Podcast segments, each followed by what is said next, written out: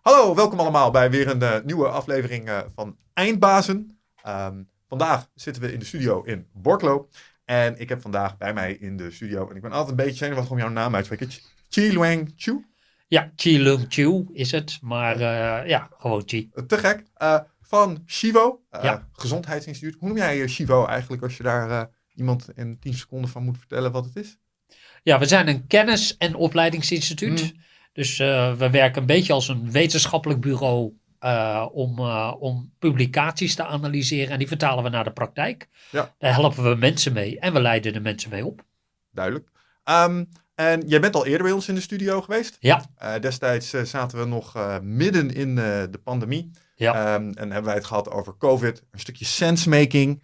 hoe je nou in, hè, want wat toen heel duidelijk was, is, eh, nou, een heleboel mensen vinden er een heleboel verschillende dingen van. ja. Eh, en dat speelveld navigeren is eh, nu nog steeds heel erg moeilijk. En daar hebben we toen over gesproken. En toen hebben we het gehad over cognitieve valkuilen, de denkfouten en bijvoorbeeld manieren waarop in discussies en gesprekken ehm, nou ja, allerlei fouten kunnen sluipen. Door bijvoorbeeld het verbale verplaatsen van de paaltjes en dat soort zaken. Ehm, en ik vond het heel prettig, want het was heel ehm, consistent in die zin. Het gaat terug naar, eh, telkens terug naar de basis. Ik volg jou ook op LinkedIn. En ehm, ik vind het heel knap eh, wat je daar doet. Want eh, je probeert daar echt iets te doen volgens mij aan misinformatie. Tenminste, Ja. als ik dat goed interpreteer.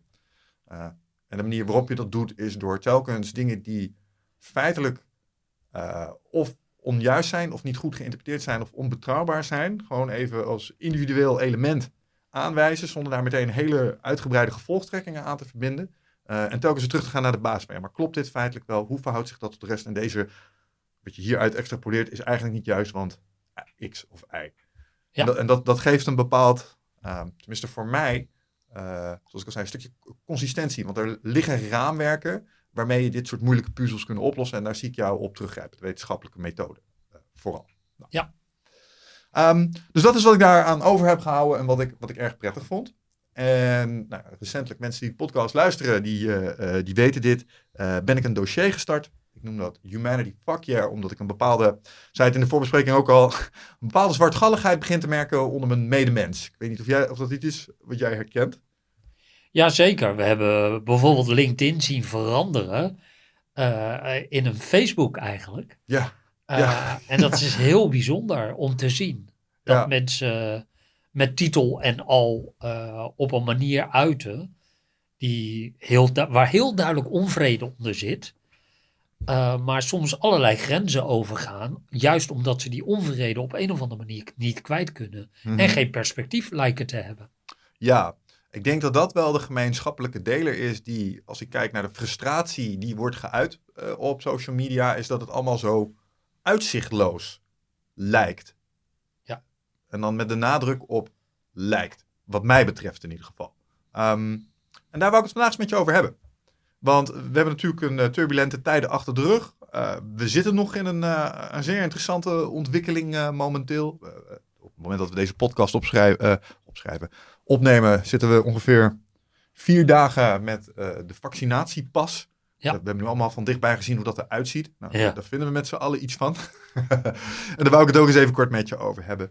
Ehm, maar vooral allemaal terug eh, naar de kernvraag. Ehm, hoe leiden we nou een goed leven? Hè? In de voorbereiding zei ik van, ik wil het eigenlijk eens ook hebben over het leiden van een goed leven. Want deze dingen hebben daar eigenlijk allemaal mee te maken.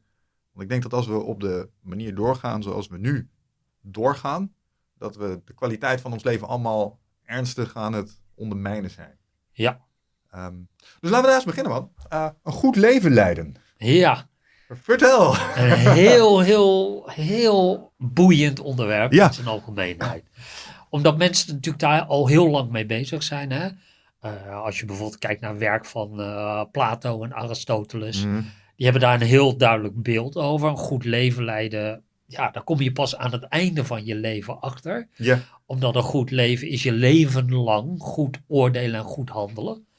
Eh, en dat zeg maar de eudemonische kant van, eh, van goed, het goede leven leiden. Mm. En daar zit een soort van kern in. ehm, van waarheid in. Ik bedoel, die mensen hebben daar ook echt goed over nagedacht. Mm. Ehm, maar daarnaast hebben we natuurlijk gewoon allerlei inzichten gekregen vanuit de wetenschap. Van wat is dan een goed leven? En daar zit eh, opvallend veel overlap tussen. Mm. En er zit eh, natuurlijk op details zitten daar verschillen in. Eh, voordat we dit gesprek ingingen, hadden we het nog even kort over de evolutietheorie. Ja. En nou, dat is natuurlijk een onderdeel van de wetenschap. Mhm. En het zegt iets over het gegeven dat wij een natuur hebben. En die is gevormd. Ik bedoel, de evolutietheorie heeft daar natuurlijk gewoon bepaalde mechanismen aan toegekend. Ehm, en ehm, er lijkt ook, eh, zeg maar, als het gaat om een goed leven, ehm, aanwijzingen te zijn dat als je aan kunt sluiten op de natuur van de mens, Mhm. dat dat leidt tot een goed leven. Juist. En dat heeft met een aantal zaken te maken. eh, namelijk om te begrijpen wat nou eigenlijk echt basisbehoeften zijn. Mhm. En die basisbehoeften die kennen we natuurlijk vooral de biologische. Nou ja, eten en eh, slapen, nou, noem het maar op. Mhm. Dus die, eh, dat, dat is allemaal wel duidelijk. Maar de psychologische basisbehoeften, daarvan zie je dat daar minder aandacht voor is. Ja. En eigenlijk hebben we daar drie van. Daar is nu 40 jaar onderzoek eh, naar gedaan. Er zijn meer dan 350.000 wetenschappelijke publicaties over. Mhm. En eh, we blijven steeds terugkomen op die drie.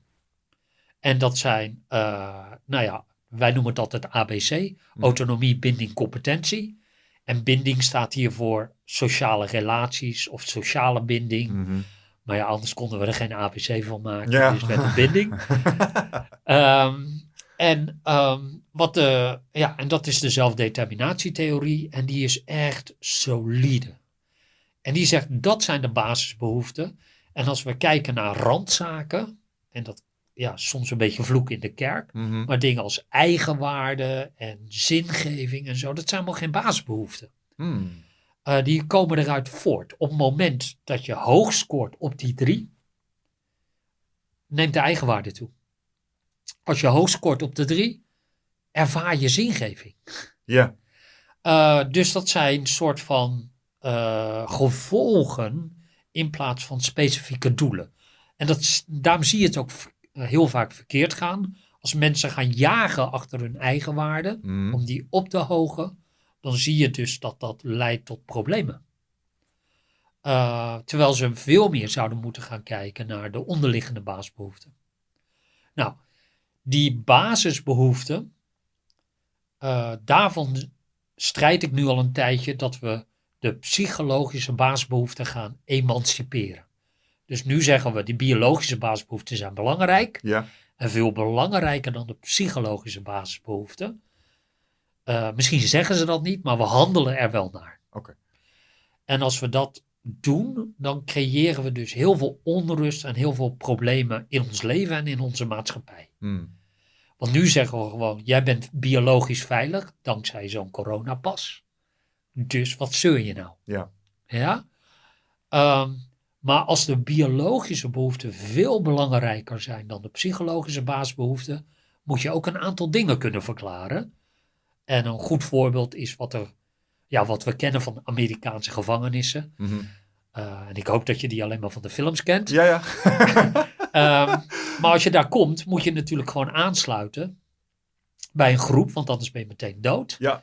En dan moet je allerlei dingen doen waar je niet per se goed in bent en die je ook niet wil. Mhm. eh, om in leven te blijven. En dan heb je nog te maken met eh, eh, geweld, fysiek geweld en al die andere ellende. En er is een hele makkelijke out, namelijk je kunt een isoleercel in. Mhm. Heb je een dak boven je hoofd, je hebt gewoon drie keer per dag eten, geen last van geweld en toch kiest niemand daarvoor. Ja. Dus als de biologische basisbehoeften veel belangrijker zijn dan de psychologische basisbehoeften, moet je dat kunnen verklaren. Ja. Hetzelfde geldt voor waarom sterf, hongeren mensen zichzelf uit voor een bepaalde sociale status. Ja. Het gebeurt. Wij, wij kennen ze allemaal. Als we dat niet kunnen beantwoorden, Eh, dan, Even illustreer het even met een voorbeeld. Heb je het nu over bodybuilders bijvoorbeeld? nou, bodybuilding of, eh, of überhaupt om geaccepteerd te worden als dun en mooi. Of, eh, oh, zo. Ja, ja, oké. ja. al dit soort zaken, die gebeuren. En dat betekent dat je dat je een psychologische baasbehoefte probeert te vervullen. Nou, het is een hele lange aanloop om op een gegeven moment te stellen, is wat, uh, dat dit een component is van een goed leven. Mhm. Is begrijpen wat je biologische baasbehoeften zijn, begrijpen wat je psychologische baasbehoeften zijn. Vervolgens zeggen, wacht even, maar die moeten we ook emanciperen. Die hebben een gelijke waarde. Ja.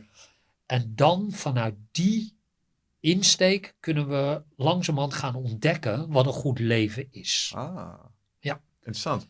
Ik weet niet waarom, maar het doet me een beetje denken aan de disbalans die je soms spot in het, eh, de disbalans tussen bijvoorbeeld werk- en privébalans.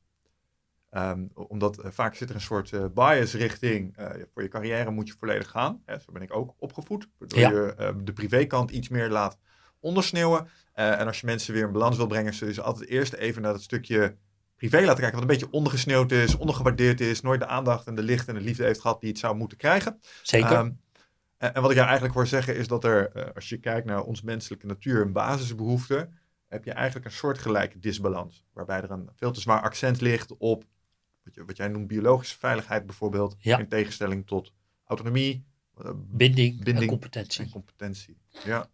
En ehm, even terug naar dat, eh, want dat vind ik interessant. Ehm, het, als het gaat om het leiden van een goed leven. Ja. Ehm, dan kijk je bijvoorbeeld naar eh, de Stoics. Ja. Eh, Marcus Aurelius heeft daar ideeën over. Zeker. Eh, als je kort gaat, zei hij eigenlijk: wat je moet doen is anderen belangeloos helpen en, en angst overwinnen. Ja. Ehm, en als het gaat om purpose, ehm, dan zie je heel vaak dat dat te maken heeft met anderen helpen. Zeker. En, en als ik dan nog een ander model erbij mag trekken, dan heb je Ikigai. Ja. Eh, en dat is weer een component, eh dat is een belangrijk onderdeel is, eh, van de, van de Venn-diagram. Een van de vier cirkels die daarin onder is. Van hoe kun je andere mensen of de, helpen of de wereld Zeker. beter maken. Hoe verhoudt zich dat tot die basisbehoefte waar je het zojuist over had? Hoe vloeit die voort uit een andere, uit bijvoorbeeld autonomie, binding of competentie? Ja. Nou, dan moeten we, als we kijken naar die psychologische baasbehoeften, dat is de zelfdeterminatietheorie. Ja, En binnen die theorie wordt er geen hiërarchie gemaakt tussen die baasbehoeften. Oké. Welke is belangrijker? Maar die is er wel vanuit een evolutionair perspectief. Ehm, en dan is het geen ABC, maar dan wordt het BCA. Mhm. Eh, binding is het belangrijkst. Want als je geïsoleerd raakt, dat is de ongewisse dood. Ja. Ehm, het tweede, je wil dus behoren tot een groep. Dat zie je dus ook in een gevangenis ontstaan. Mhm. Daarnaast wil je goed functioneren binnen de groep. Dat is waar competentie komt. En nu ontstaat er iets heel bijzonders. Op het moment dat jij goed functioneert in een groep, dan voel je je veilig. Maar er is één stap extra binnen veilig. En dat is als jij het gevoel hebt dat jij volledig jezelf mag zijn Mhm. in een groep zonder verstoten te worden. Ja. En wat je krijgt is een hiërarchie van BCA. Juist.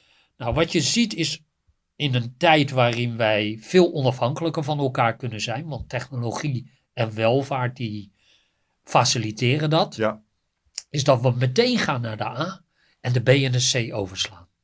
En de C misschien niet, maar de B zeker. En ehm, op het moment dat je dat doet, dan heb je een tijdje lol. En dan wordt het een soort van YOLO-achtige invulling van het geheel. Mhm. Maar wat je creëert is een leegte. En die leegte ervaren we als gebrek aan zingeving.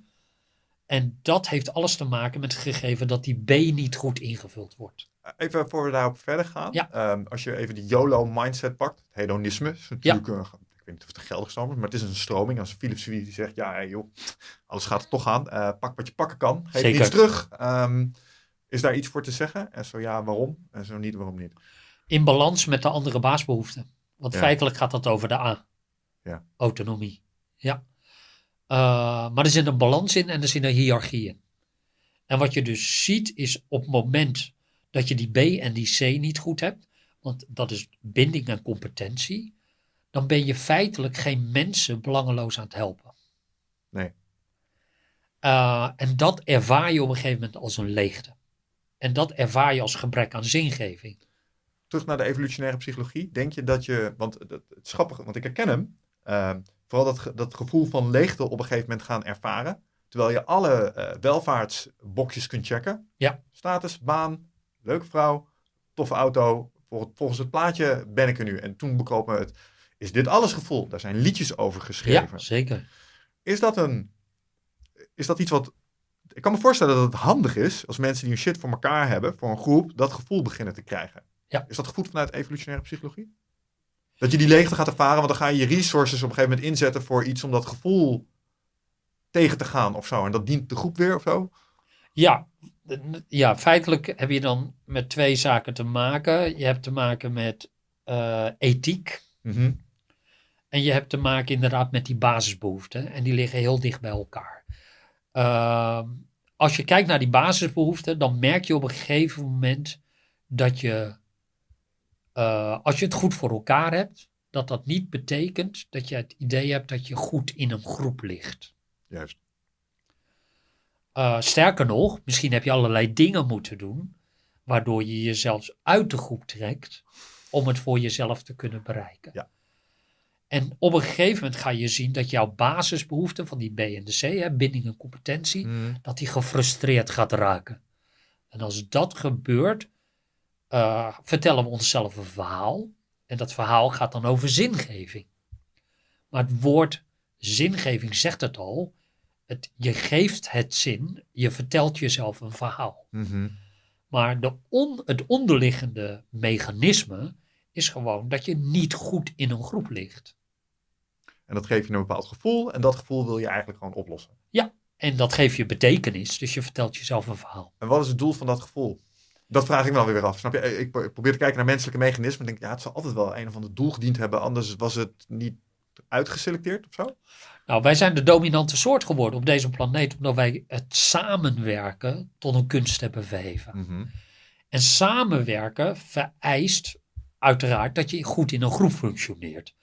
En daar komt eh, ethiek en de basisbehoeften komen samen. Als je kijkt naar het eh, stoïcisme, dan eh, hanteren zij feitelijk de vier kardinale deugden van Plato. Mhm. Ja? Eh, iets moet verstandig zijn, iets moet eh, moedig zijn, rechtvaardig en, en je moet zelfbeheersing tonen. Als je daarover nadenkt, dan zijn dat ook de voorwaarden om samen te kunnen werken. Je kan niet samenwerken met mensen die alleen maar onverstandige dingen doen. Mhm. Uh, maar stel je voor dat jij hele verstandige dingen doet, maar jij doet dingen die ik niet leuk vind. En ik kom niet voor mezelf op. Mhm. Ik ben dus niet moedig. Ja. Dan zijn wij niet aan het samenwerken. Dan ben ik gewoon een sloof. Ja. Dus dat is ook niet samenwerken. Maar stel je voor dat ik supermoedig ben. En ik domineer alles. Aha. Dat is niet rechtvaardig. Dat is niet samenwerken. Ja?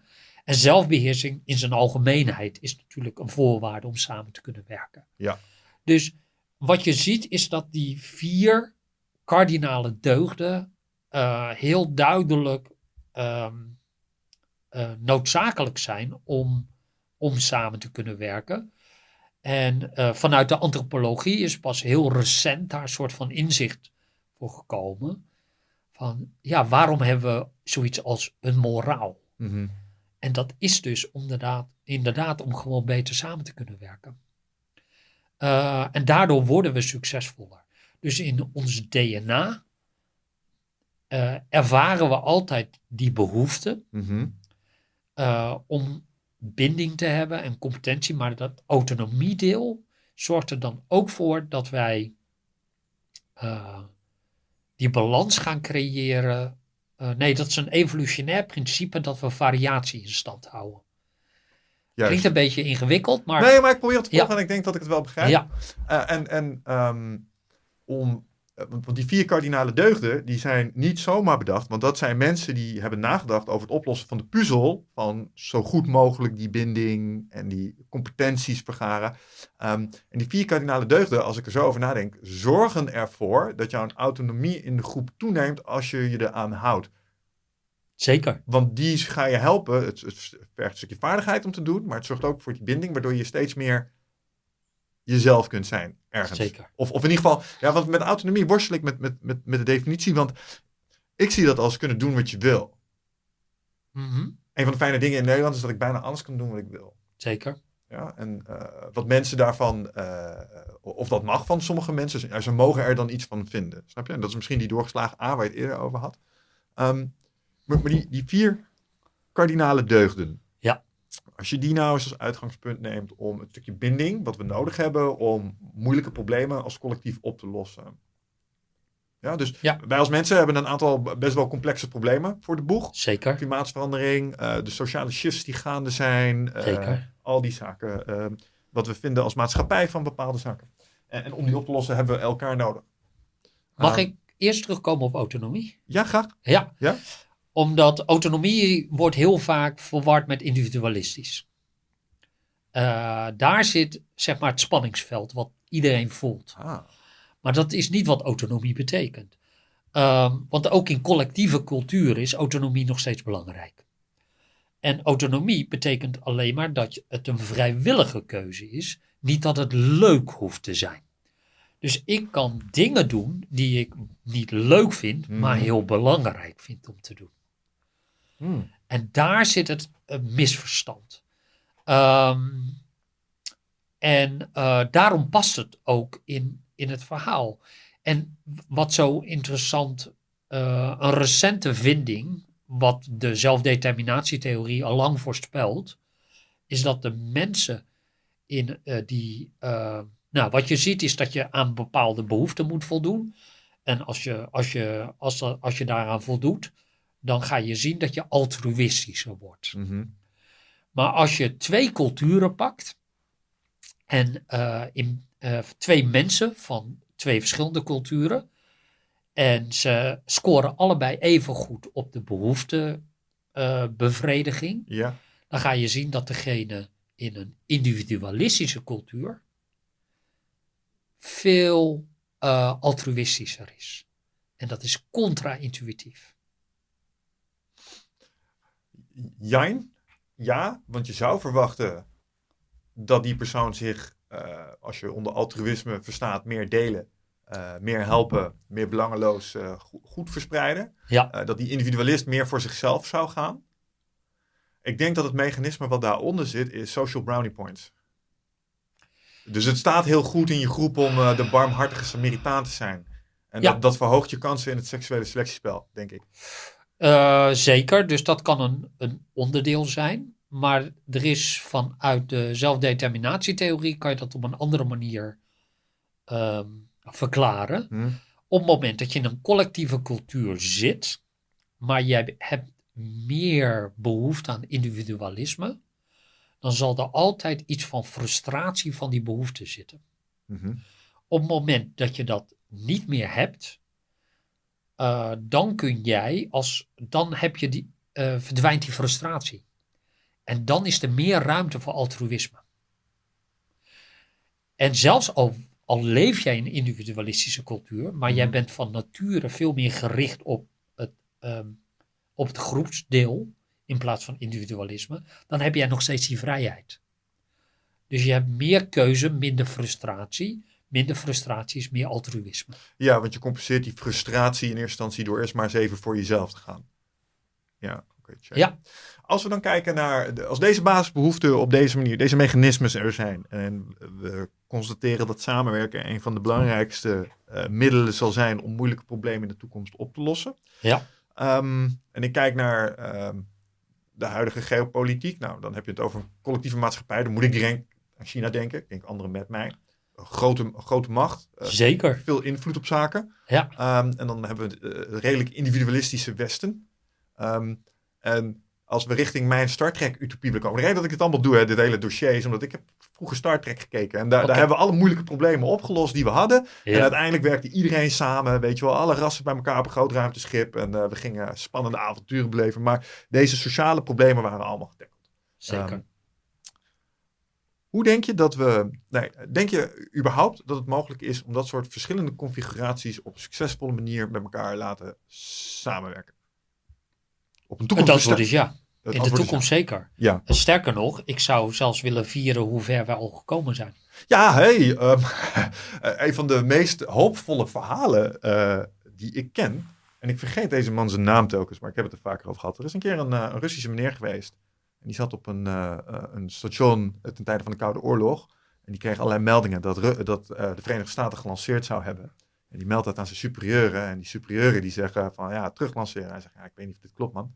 En, en hij kiest ervoor om het niet te doen. En daarmee kwam hij single-handedly een nucleaire oorlog. Ja. Snap je? Dus het feit dat wij met dat soort dingen tot onze beschikking de hele story nog niet de Filistijnen hebben geholpen, is op zich al hoopgevend. Ja. Is denk ik wat je daar zegt.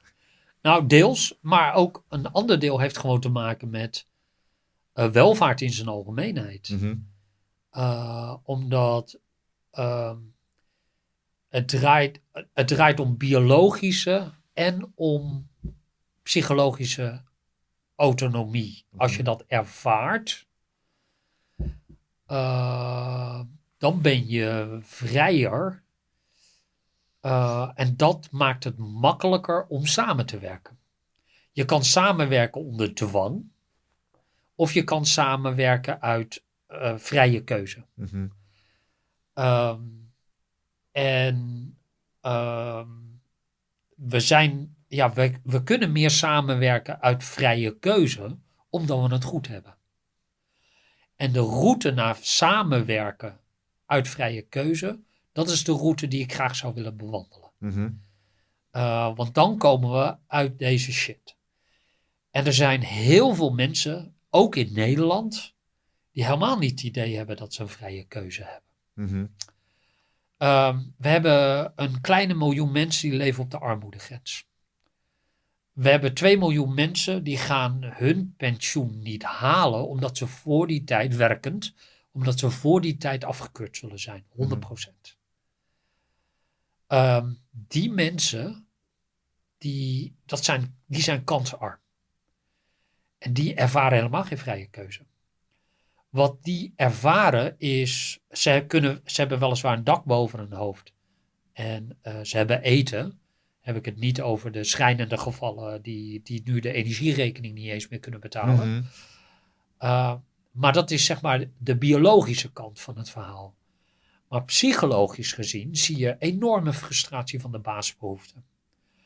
En dan kun je zeggen, ja, maar uh, uh, is dat dan is dat belangrijk? Nou, daar heb ik een heel pleidooi, daar ben ik mee geopend. Ja. Maar veel belangrijker is om nog te begrijpen dat er iets ontstaat wat we biologisch heel goed herkennen, is namelijk roofbouw. Er is psychologische roofbouw van de basisbehoeften. En dat ga je niet zomaar herstellen. Um, dus uh, dat verklaart ook waarom heel veel mensen niet voor zichzelf kunnen zorgen. Hm. Uh, wij weten het uit bijvoorbeeld uh, experimenten met basisinkomen. Uh, stel je voor, je bent werkloos. In Finland hebben ze zo'n project afgerond. En je ziet dus dat, er, dat je kunt kiezen tussen een WW-uitkering van 1200 euro. Of een basisinkomen voor twee jaar voor 800 euro. Mm -hmm. Die laatste is onvoorwaardelijk. Die eerste is zoals elke WW-uitkering voorwaardelijk. Je mm -hmm. hebt sollicitatieplicht enzovoorts. Ja. Na twee jaar zie je iets interessants ontstaan, wat de zelfdeterminatietheorie gewoon voorspelt. De mensen die kiezen voor basisinkomen zijn en gezonder en ze hebben meer gewerkt. Hmm. Interesting. Ja. Hmm. En uh, waarom zijn ze gezonder? Omdat ze, van hun, omdat ze minder in hun autonomie bedreigd worden. Het is namelijk niet voorwaardelijk. Mm -hmm. Waarom werken ze meer? Omdat ze een baan kunnen kiezen die 500 euro minder betaalt, maar die ze wel echt heel tof vinden om te doen. Ah, ja. Daarmee heb ik niet gezegd dat we het gaan oplossen met een basisinkomen, want daar weet ik te weinig van. Mm -hmm. uh, ik heb geen idee wat de economische consequenties daarvan zijn. Ik, ik weet het alleen vanuit een psychologische insteek. Ja. Goed. Als we al die lessen pakken, want zo zien we dat ook bijvoorbeeld met uh, een, een Canadees project met daklozen, die hebben ze 7000 euro gegeven. Nou ja, de verwachting is natuurlijk dat die binnen een week aan drugs, dranks en weet ik veel op zijn. Ja. Het gemiddeld tien maanden hebben ze daarmee gedaan. Wauw. Ja. Dus wat wij soms zien is, is een reactie van, van mensen die al heel lang eh, psychologische roofbouw hebben. Eh, als ze in één keer toch alles uitgeven. Eh, en misschien moeten we daar eerst begrip voor opbrengen. Mhm. Eh, net als dat je iemand tien dagen uithongert. En dan zeg je, ik heb hier eten. Maar die houdt zich dan niet aan de etiketten met eh, mes en vork. En, Nee, ja, precies. Ja? ja? Eh, misschien moeten we daar ook rekening mee houden. Van wacht even, maar die begint op min 10 punten. Ja. Die, kan, die hebben wij. Die heeft een minder menselijk leven geleden. Jaren misschien. Eh, misschien moet je dan ook begrip tonen voor het gegeven dat hij zich even minder menselijk gedraagt. Mhm. Oké. Ehm, dus dat is denk ik ehm, eh, een onderdeel van het verhaal. Is als wij die dingen op kunnen lossen. Dat er minder polarisatie ontstaat. Mhm. Meer samenwerking. Ehm, en, en, en daarmee ook gewoon dat we meer open gaan staan.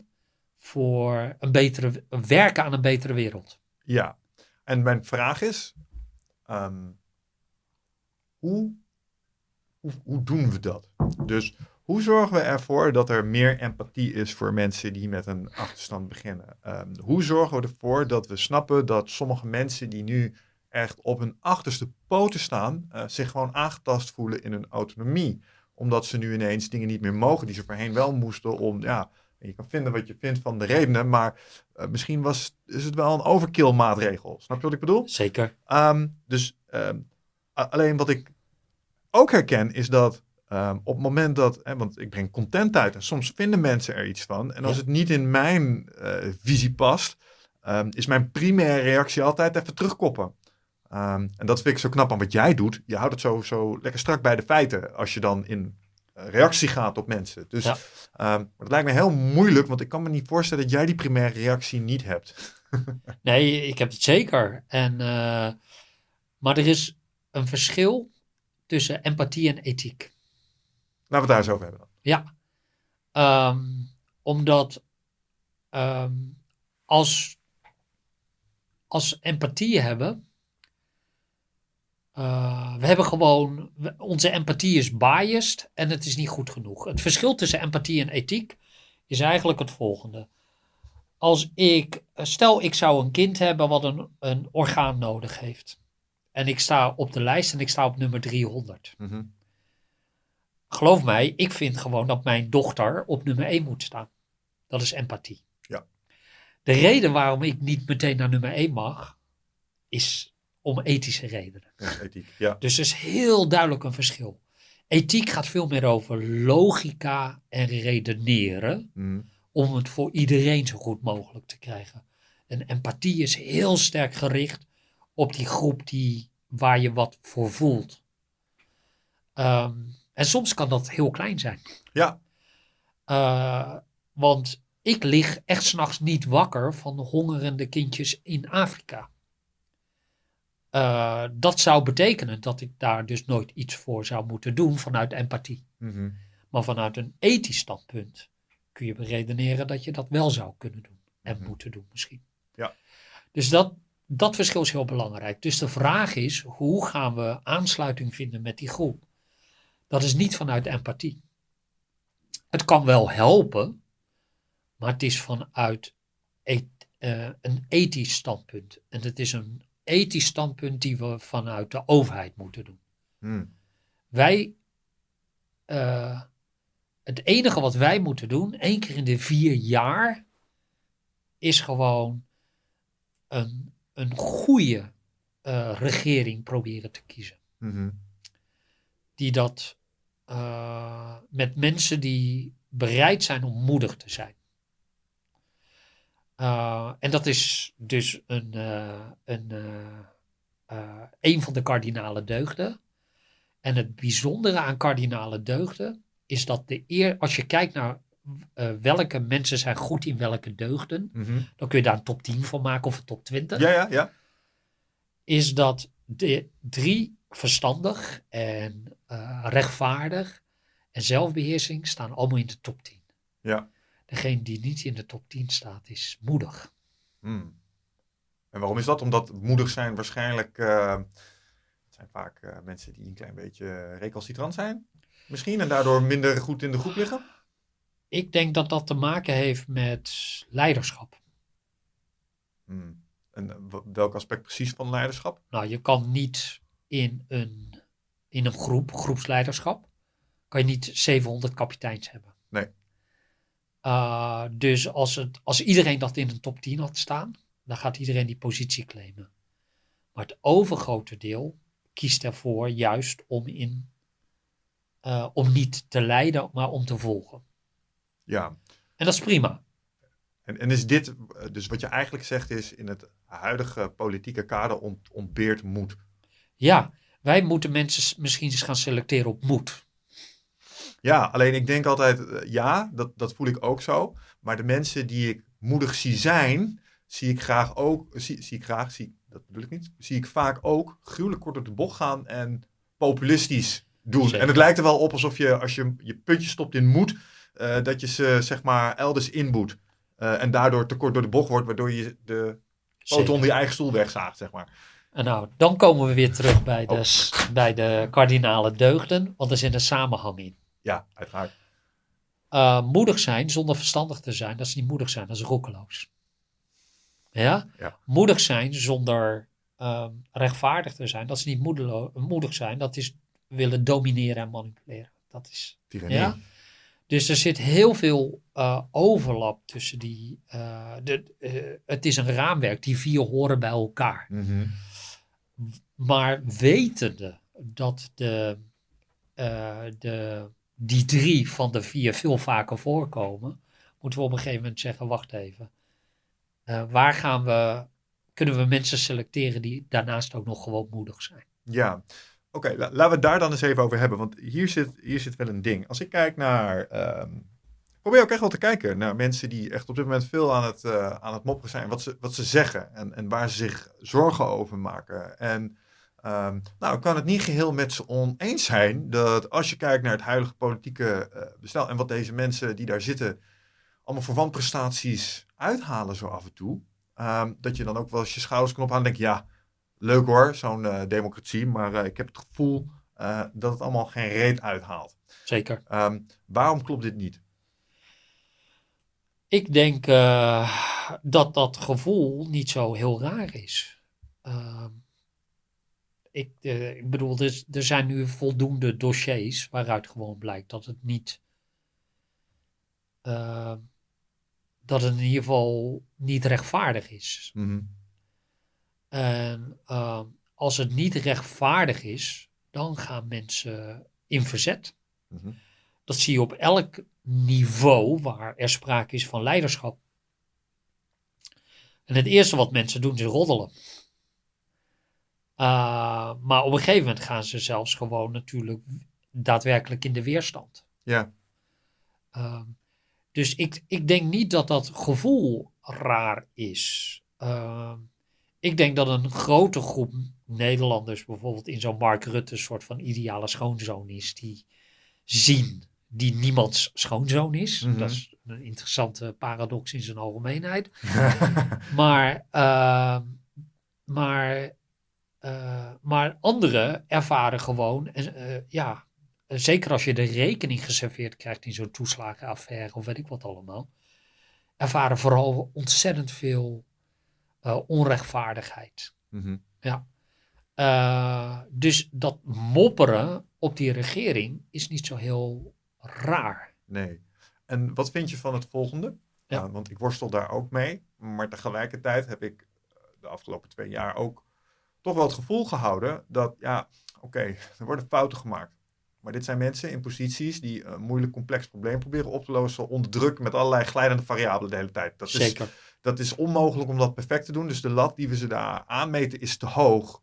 Um, dus dat, dat konden ze ook niet perfect doen. Je kan er van alles van vinden. Er was zeker ruimte voor een boel verbetering achteraf beschouwd. Um, maar in het moment ben ik er altijd vanuit gaan. Deze mensen hebben wel, ja, proberen dit gewoon ook te navigeren. Zeker. Ergens, zonder een achterliggende kwaadaardige uh, agenda. Ja. Dat is een beetje het, het, het gevoel wat ik erbij had. Hm. Maar er lopen ook een heleboel mensen rond inmiddels. En die hebben dat gevoel beduidend niet meer.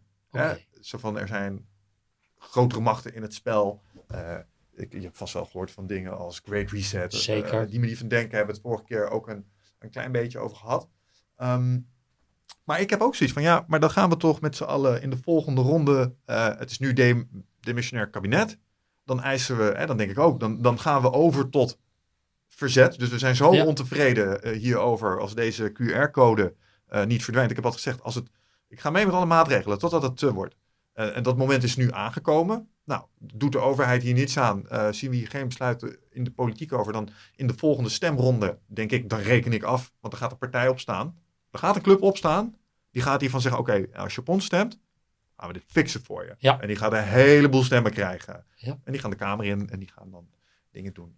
Ehm, is het wat jou betreft nog terecht om dat vertrouwen te hebben in ons politieke stelsel, dat daar ook daadwerkelijk nog de macht ligt? Want ik heb dat in een vorige podcast ook gezet. Ik heb het gevoel dat we een beetje vergeten zijn dat de macht ligt bij ons.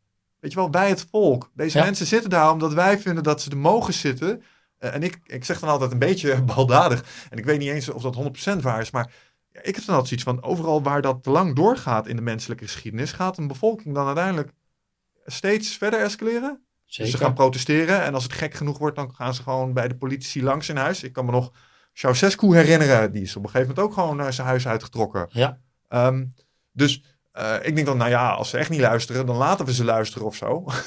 Ja. maar, maar misschien is dat dan ook weer naïef. Omdat mensen dan zeggen, ja, maar mis je met het kikkertje in de snelkookpan. En ze laten jou langzaam maar zeker wennen aan dingen. En daarmee heb je op een gegeven moment helemaal niet meer door hoe vast je zit. Ja. Maar ik denk dan zeg ja, maar ik vertrouw eigenlijk nog wel in dat politieke systeem. Dat ik dan in de volgende ronde kan ik mijn stem laten gelden. En daar komen mensen, leiders, met meer moed Ja. vooraan te staan. En die ga ik, eh, afhankelijk van hoe populistisch ze- ze doen op andere aspecten, eh, ga ik daar waarschijnlijk dan op stemmen. Is het wat jou betreft terecht om dat vertrouwen nog te hebben en dat je dat vermogen gewoon hebt als mens? Nou, feitelijk presenteer je twee standpunten. Eén standpunt is, ze maken fouten. Iedereen maakt fouten. Een ander standpunt is, dit is opzet. Ja. Maar de, de, de brug en, het, en de situatie die er tussen zit, is dat iemand fouten maakt, maar het vervolgens probeert te verbergen. Hmm. En dat voedt die andere extreme kant. Ja. Eh, en als je meerdere malen hoort dat bepaalde dossiers dus eh, niet geopenbaard worden, dat men begint te rechten over de wet van openbaring, dan hebben we dus een probleem. Ja. Omdat als je kijkt naar systemen die duurzaam zijn, dan zijn die gestoeld op transparantie. Wetenschap is daar één van, Mhm. maar democratie is een andere. Ja. Eh, transparantie en het afleggen van verantwoording. Op het moment dat transparantie eh, zelfs openlijk wordt, eh, ja, eigenlijk ge- geblokkeerd, dan hebben we een probleem. Ja, En daar zit mijn. Ik geloof niet dat er een groot plan is om eh, mensen te beknotten of iets anders. Ja, het is gewoon een hele moeilijke baan. En er worden fouten gemaakt. Mhm. Het probleem ontstaat dat mensen ja, de fouten verbergen. En, en ehm, oké, check. En stel je ziet het als bezorgd burger en je denkt, hé, hey, mijn overheid doet rare dingen. Eh, ik ben het hier niet mee eens. Eh, ik wil hier iets tegen doen. Ja. Wat, zijn, wat is de route die je dan op dit moment hebt als Nederlands burger? Een politieke partij starten, denk ik, is er één. Als je echt eh, actief eh, genoeg bent. Dus als je denkt, ik ben moedig, dit is voor Zeker. mij. Stemmen. Heeft stemmen Ja. nog zin, wat jou betreft? Ja, stemmen heeft zeker zin. Ehm, Ik zag Alleen- een bepaalde twijfeling. ja, nou, nee, die zat hem een beetje in het gegeven. Moet je dan zelf een politieke partij starten? Oké, check. Ehm, eh, en het antwoord is misschien wel ja. Ehm, maar we zijn ook in een soort van fase gekomen. Nou ja, je ziet het met Volt. Kennelijk kan dat uit het niets opkomen en Hm. toch gewoon een paar zetels eh, eh, pakken. Ehm, dus misschien moeten we daar inderdaad heen. Mhm. Eh, dat we de, de, de, de, ja, de status quo een beetje los gaan laten. Hmm. En wat vind je van het volgende idee? Ik heb er ook wel eens over zitten nadenken, hè? out of the box. Zo van, wat, wat zou je het liefst willen? Ehm, misschien kunnen we sommige dingen wel iets meer crowdsourcen. In de zin van, als je mij vraagt, waar moet geld heen? En je vraagt het me over Nederland, zeg ik, ik heb er geen idee man. Eh, maar als je me hier zou vragen, hier voor de omgeving, kan ik daar beter antwoord op geven. Ja. Ik heb eens nagedacht, waarom kunnen we niet met ons DigiD, ehm, zeg maar, eh, meestemmen over waar bijvoorbeeld middelen naartoe gaan. Dus echt een, een non-stop doorlopende census houden bij de bevolking. Ja. Over bepaalde dingen. En dan wordt het de taak van een politieke partij om het zo duidelijk mogelijk uit te leggen aan een burger. Ja. Eh, en dat een burger eigenlijk ook van een soort van, maar ja, dan ga je terug naar het Romeinse citizenship.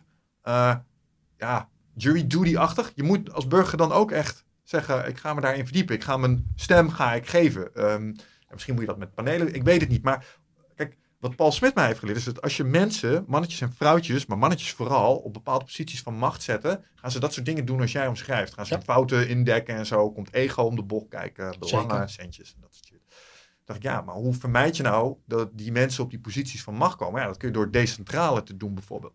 Ehm, maar ik weet niet of dat een werkbaar systeem is. Maar de- dus, dus bij je bevolking constant ophalen wat ze willen. We hebben daar een voorbeeld van in Zwitserland, zover ik begrepen, begrepen heb. Ehm, omdat daar het referendumsysteem dus heel duidelijk ehm, ja, ingevoerd is. En wat er gebeurt is dat je feitelijk een standpunt hebt. Mhm. Eh, en eh, dan krijgt de ene partij, eh, je bent voor of tegen, hè? Dus, dus opponent, proponent. En dan wordt, worden de standpunten worden onderbouwd vanuit een bepaald perspectief.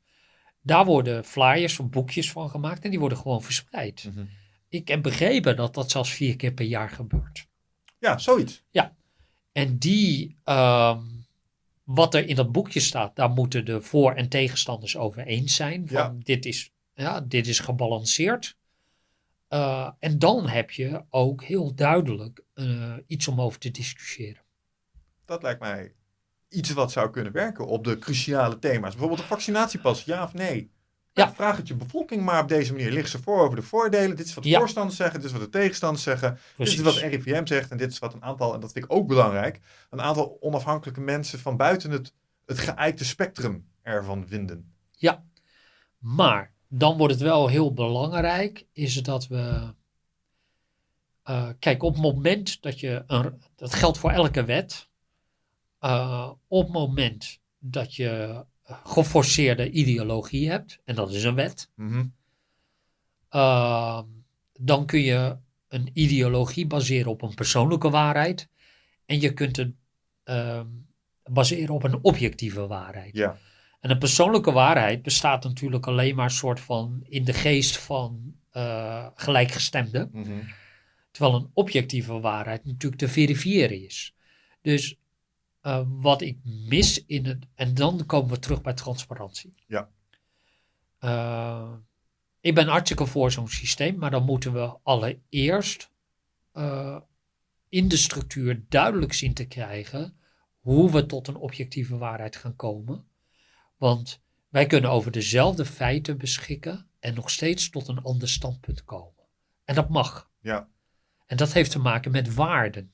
En wat ik daar dan extra interessant in vind, is de presentatie van die feiten. Want je kan een aantal dingen kun je op verschillende manieren uitdrukken. Zeker. Je zou de ernst van COVID kunnen uitdrukken in het aantal doden per zoveel duizend. Maar je zou ook iets kunnen zeggen over het aantal genezen mensen per zoveel duizend. Eh, en afhankelijk van welke van de twee je gebruikt, verandert er iets in mijn hoofd. Zeker. En daarom is het belangrijk dat als je zo'n systeem hanteert, zoals ze dat volgens mij in Zwitserland hebben, uh, is dat beide partijen eens zijn over die flyer of over dat boekje. Ja. Om zeker te weten dat ze niet verkeerd gerepresenteerd worden in zo'n boekje. Ik denk echt dat het zou kunnen werken. Je, je koppelt het aan een zangshow, je doet sms'jes sturen, je ziet de poll live op tv uh, voor, tevoorschijn komen. Ik denk echt dat dit zou kunnen werken. ja, en misschien past het ook wel gewoon bij deze tijd. Ja, want ik heb dus vaker gedacht van ja, wat je ook ziet is dat een boel mensen zich gefrustreerd voelen omdat ze geen invloed denken te hebben op dat proces. En in de stemronde zie je, want dat, dat cynisme heb ik ook. Hè. Er zijn ook jaren geweest dat ik heb bedankt voor het stemmen. Hoewel ik het een van de mooiste vrijgevochten rechten vind uh, die een mens kan hebben. Gewoon omdat ik behoorlijk cynisch was over, over dat hele systeem. Snap je? De Europese grondwet eh, als voorbeeld weet ik nog. Toen zat ik in mijn activistische fase. Ehm, maar eh, wat ik probeer aan te geven is dat ik denk dat we inmiddels misschien wel over technologie beschikken om dit meer eh, bij de mensen neer te leggen. En ze daarmee dus ook het gevoel te geven, en dat moeten ze dan een paar keer zien, dat het ook daadwerkelijk effect heeft. Ja. En dat het niet een zoveelste exercitie in futiliteit was, waarbij ze je een vals gevoel van invloed geven en dan vervolgens lekker hun eigen ding gaan. Zeker. Dus die snap ik ook. Maar er zit wel een, een, een onderliggend probleem.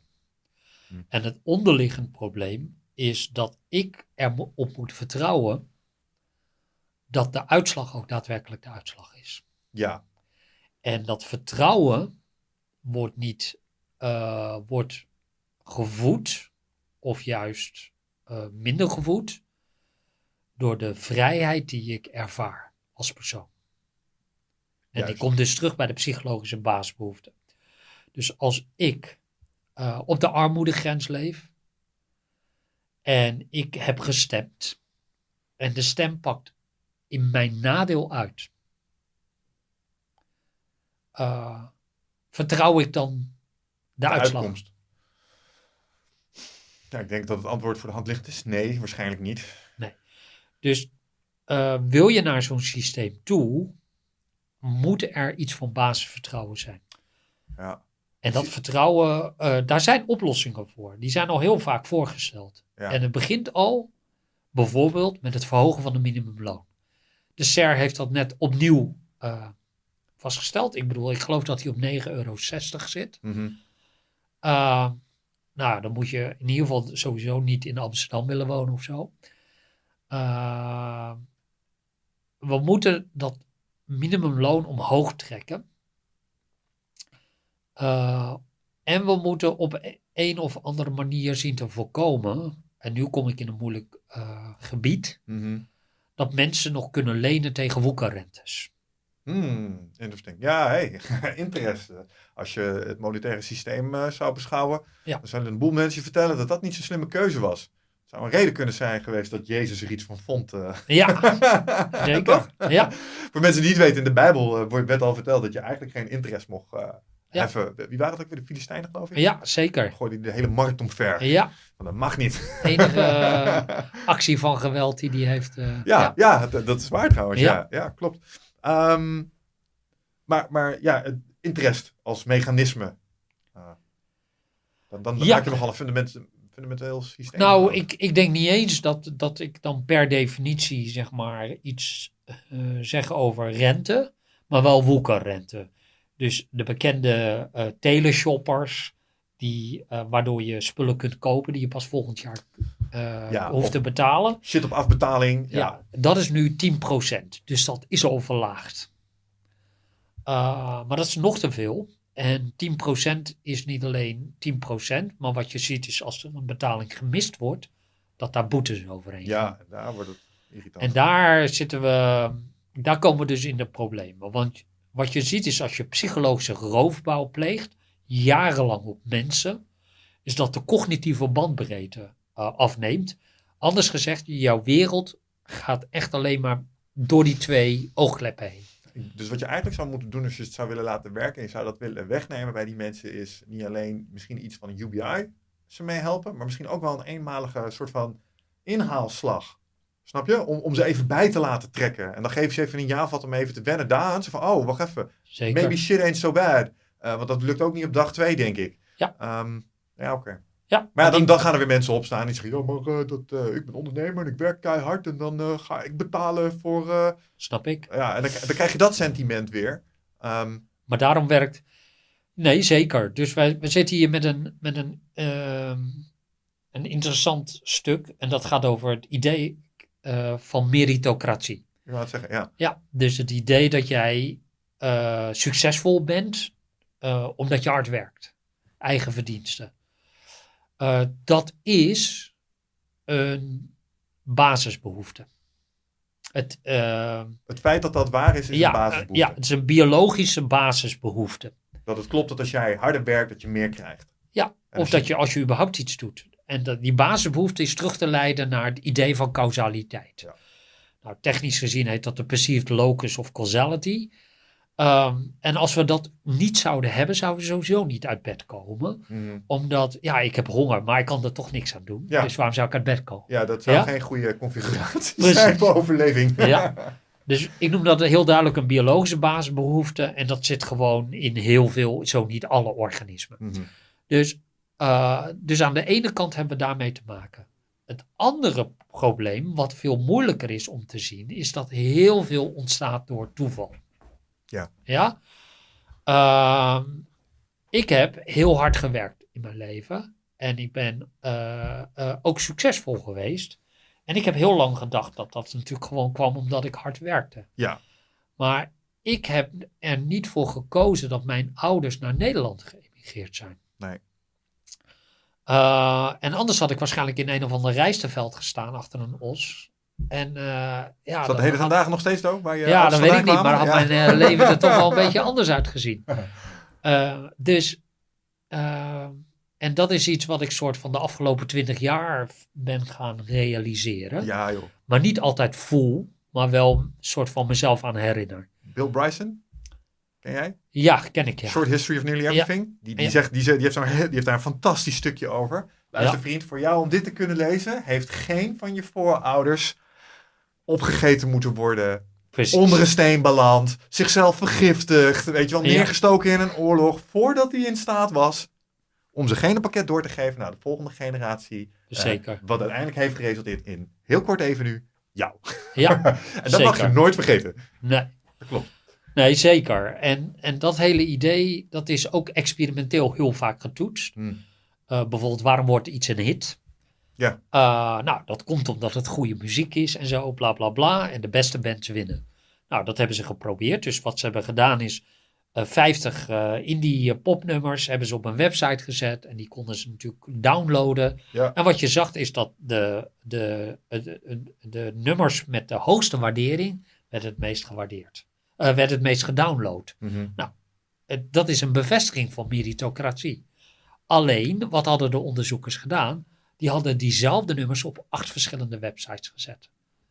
En als iets hoog scoort omdat het zo fantastisch is, dan moet het op alle websites hoog scoren. Mhm. Blijkt niet het geval te zijn. Mm. Ja? Nou, wat is dan het mechanisme? Toeval. Omdat als de eerste drie mensen toevallig een leuk nummer vinden, dan scoren ze hem hoog en dan zie je dat het een aanzuigende werking heeft. Als je toevallig drie mensen treft die zeggen, niet mijn ding, weet je wel, Ja. en slecht scoren, dan blijft het laag. Grappig, ik zie dit live. Ik zie dit live terug. Ik heb net een boek uitgebracht. Op bol.com. Ja. Goede waarderingen. Sta ik een aantal van die eh, toplijstjes, zeg maar. En dat, dat, dat heeft een aanzuigende werking. Managementboek sta ik ergens op 326. Daar komt Ja. helemaal niets, maar dan ook niets vandaan. Ehm, maar, en ik denk dat het verschil dus zit in het feit dat als je op bol.com kijkt, dan heeft het dan een paar sterretjes. Ja. Het scoort wat hoog in de overzichtjes. En dan denken mensen, oh, zal wel goed zijn. Ja, en dan klikken ze op eh, bestel. Waar Ja. ik overigens heel blij mee ben, trouwens, als je het boek hebt besteld. Klasse. heel goed. Maar, maar dat, daar, zie je dat, eh, daar zie ik dat inderdaad terug, wat je zegt. Ja, nou, dit soort dingen worden eh, gewoon onderzocht. En, en, en ja, er is dus heel veel toeval. En wij moeten ehm, een soort van ehm, evenwicht zien te vinden in die behoefte van meritocratie. En het gegeven dat er zoveel afhangt van toeval. Want eh, wij zijn zo sterk gericht op meritocratie dat we tot de simpele conclusie komen dat als wij hard werken en we zijn niet succesvol, dan is er nog maar één verklaring mogelijk. Namelijk dat er vals gespeeld is. Ja, En dat geldt dus voor miljoenen mensen in Nederland ook. ja. En hoe kun je die mensen laten inzien dat dat dus, want dat dat niet zo is? En maar aan de andere kant denk ik daar iets langer over. Nou, dan denk ik, ja, dat is, dat is schijnig. Maar ehm, als je het hebt over eh, hard werken, ik denk wel dat hard werken, het is geen garantie. Maar het verhoogt wel je kans. Zeker. Want als ik terugkijk op mijn carrière, kon ik, eh, want ik geloof dat eh, een ander belangrijk onderdeel van eh, succesvol zijn is opportunisme. Maar soms kon ik opportunistisch zijn, omdat ik daarvoor hard had gewerkt en Zeker. bepaalde dingen had klaarstaan. Hè, bijvoorbeeld mijn manuscript voor mijn boek. Ja, ik had al een document liggen. Toen pas kwam ik een uitgever tegen. Dus toen ik de uitgever tegenkwam, kon ik hem ineens dat ding geven. Had ik wel een paar uurtjes al voor moeten klokken. Ja. Snap je? Dus ik heb de Zeker. kans vergroot da daarmee. Zeker. Dat is dus wel. Ja, ja, Ja. zeker. Ehm, dus daar, daar is geen discussie over. Maar wij moeten dus dat evenwicht zien te Mhm. vinden. Ja, want het is niet alles in die vergelijking. Nee. Ehm, en wij gaan. eh, dus als, als de default modus is, als ik hard werk en ik ben niet succesvol, eh, dan moet er vals gespeeld zijn. Dan kun je zeggen, ja, dat is onzin. Of je Mhm. kunt zeggen, oké, dit is kennelijk in de, in de lijn van de natuur van de mens. Ehm, gaan, we daar, gaan we dat negeren of Mhm. gaan we daar iets mee doen?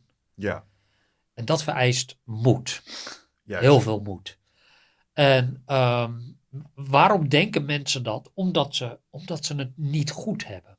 Omdat zij, als jij drie weken van een maand bezig bent met hoe ga ik mijn rekeningen betalen, eh, dan, dan ben jij niet bezig met wat er over tien jaar gebeurt. Nee, kan ik me voorstellen. Ja.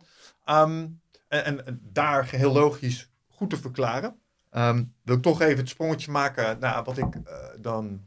hè, we, begonnen straks even over ehm, LinkedIn bijvoorbeeld. En, Ja. en wat, wat mij daar opvalt is niet alleen dat Facebook lekt, zeg maar. Eh, dus het wordt daar steeds persoonlijker. Ja. Het gaat daar steeds wat harder op. Maar dit zijn ook geen pannenkoeken. Nee. I- In die zin, dit zijn mensen die, eh, die, die zitten absoluut niet in de groep eh, waar het zojuist over had. Nee. Als ik het relateer aan de rest van het gesprek, wat ik nu beter begrijp, is dat die gewoon ernstig aangetast zijn in hun gevoel voor autonomie. Ja. Eh, en de uitkomst van wat er voor lag was niet in hun voordeel, dus er is vals gespeeld, is de conclusie. En er is een eh, andere eigenschap, dus daar is ook onderzoek naar gedaan. Als jij ehm, als onderdeel van jouw persoonlijkheid, eh, of als waarde, maar als persoonlijkheid, het belangrijk vindt om uniek te zijn, Mhm. dan vergroot dat de kans op, eh, op eh, nou ja, tegen de stroom inroeien. Een, con- een contrarian ben je Ja, dan, zeker. mij. Ja, het is dus een onderdeel van een profiel van een complotdenker, een hoogopgeleide complotdenker. De behoefte om uniek te zijn. Ja, En dat kun je terugleiden naar eh, de B en de C. Dus lig je goed in de groep omdat je competent bent, omdat je goed functioneert binnen de groep.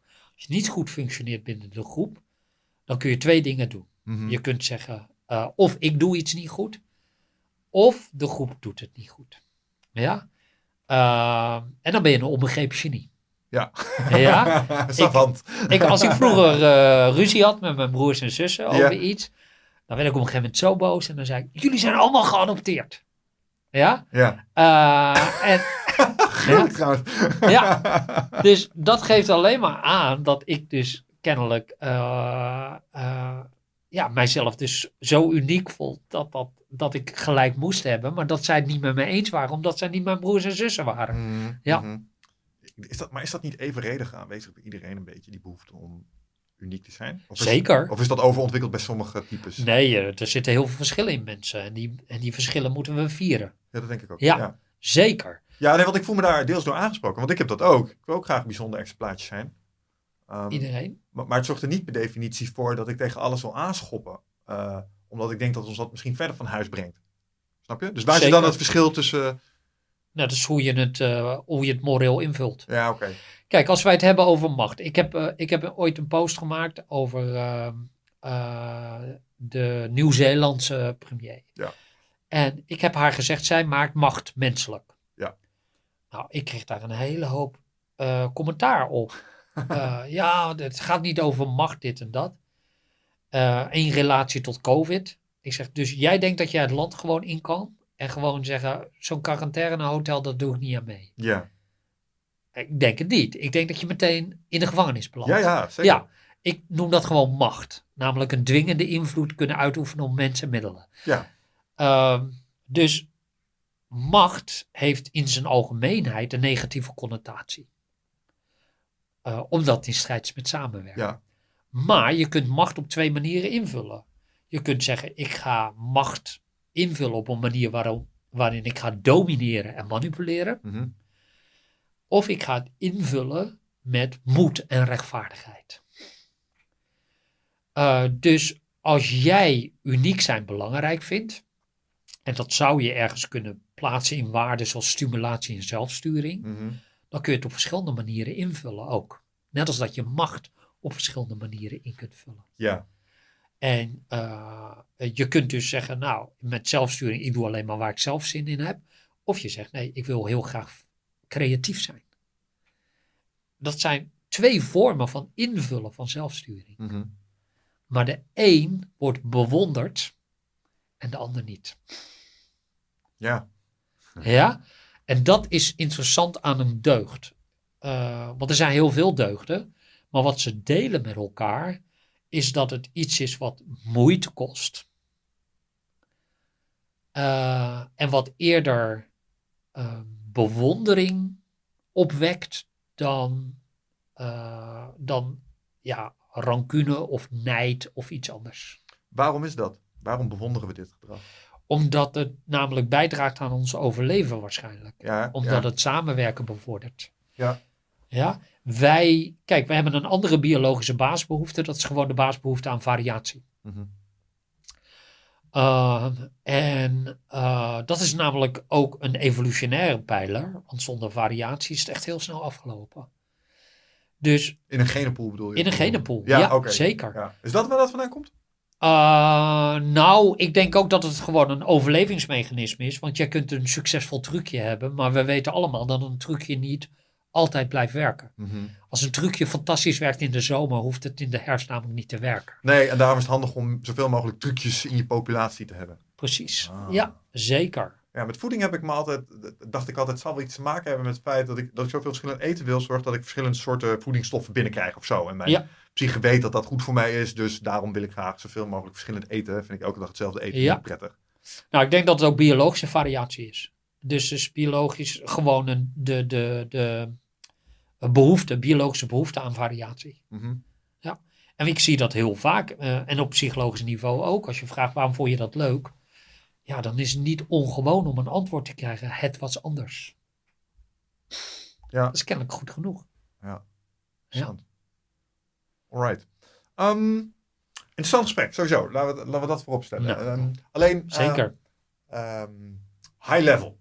Uh, en, en abstract. Uh, want alle dingen die we hebben gezegd, daar kan ik me echt helemaal in vinden. Maar wat ik in deze podcast ook echt vooral probeer te doen, is aanknopingspunten vinden voor mezelf en misschien voor anderen. Um, om, het, nou, om er iets in te doen. Om er iets aan te doen. Hè. Ik, een van mijn ergernissen momenteel is iedereen klaag, klaag, klaag. Het is allemaal zo, weet je wel, heel zwaar leven. Moeilijk, moeilijk, moeilijk. En dan denk ik telkens, ja, maar doe dan iets. Weet je wel, ga, ga iets, iets doen. Ja. Uh, alleen de vraag is dan, wat? ja.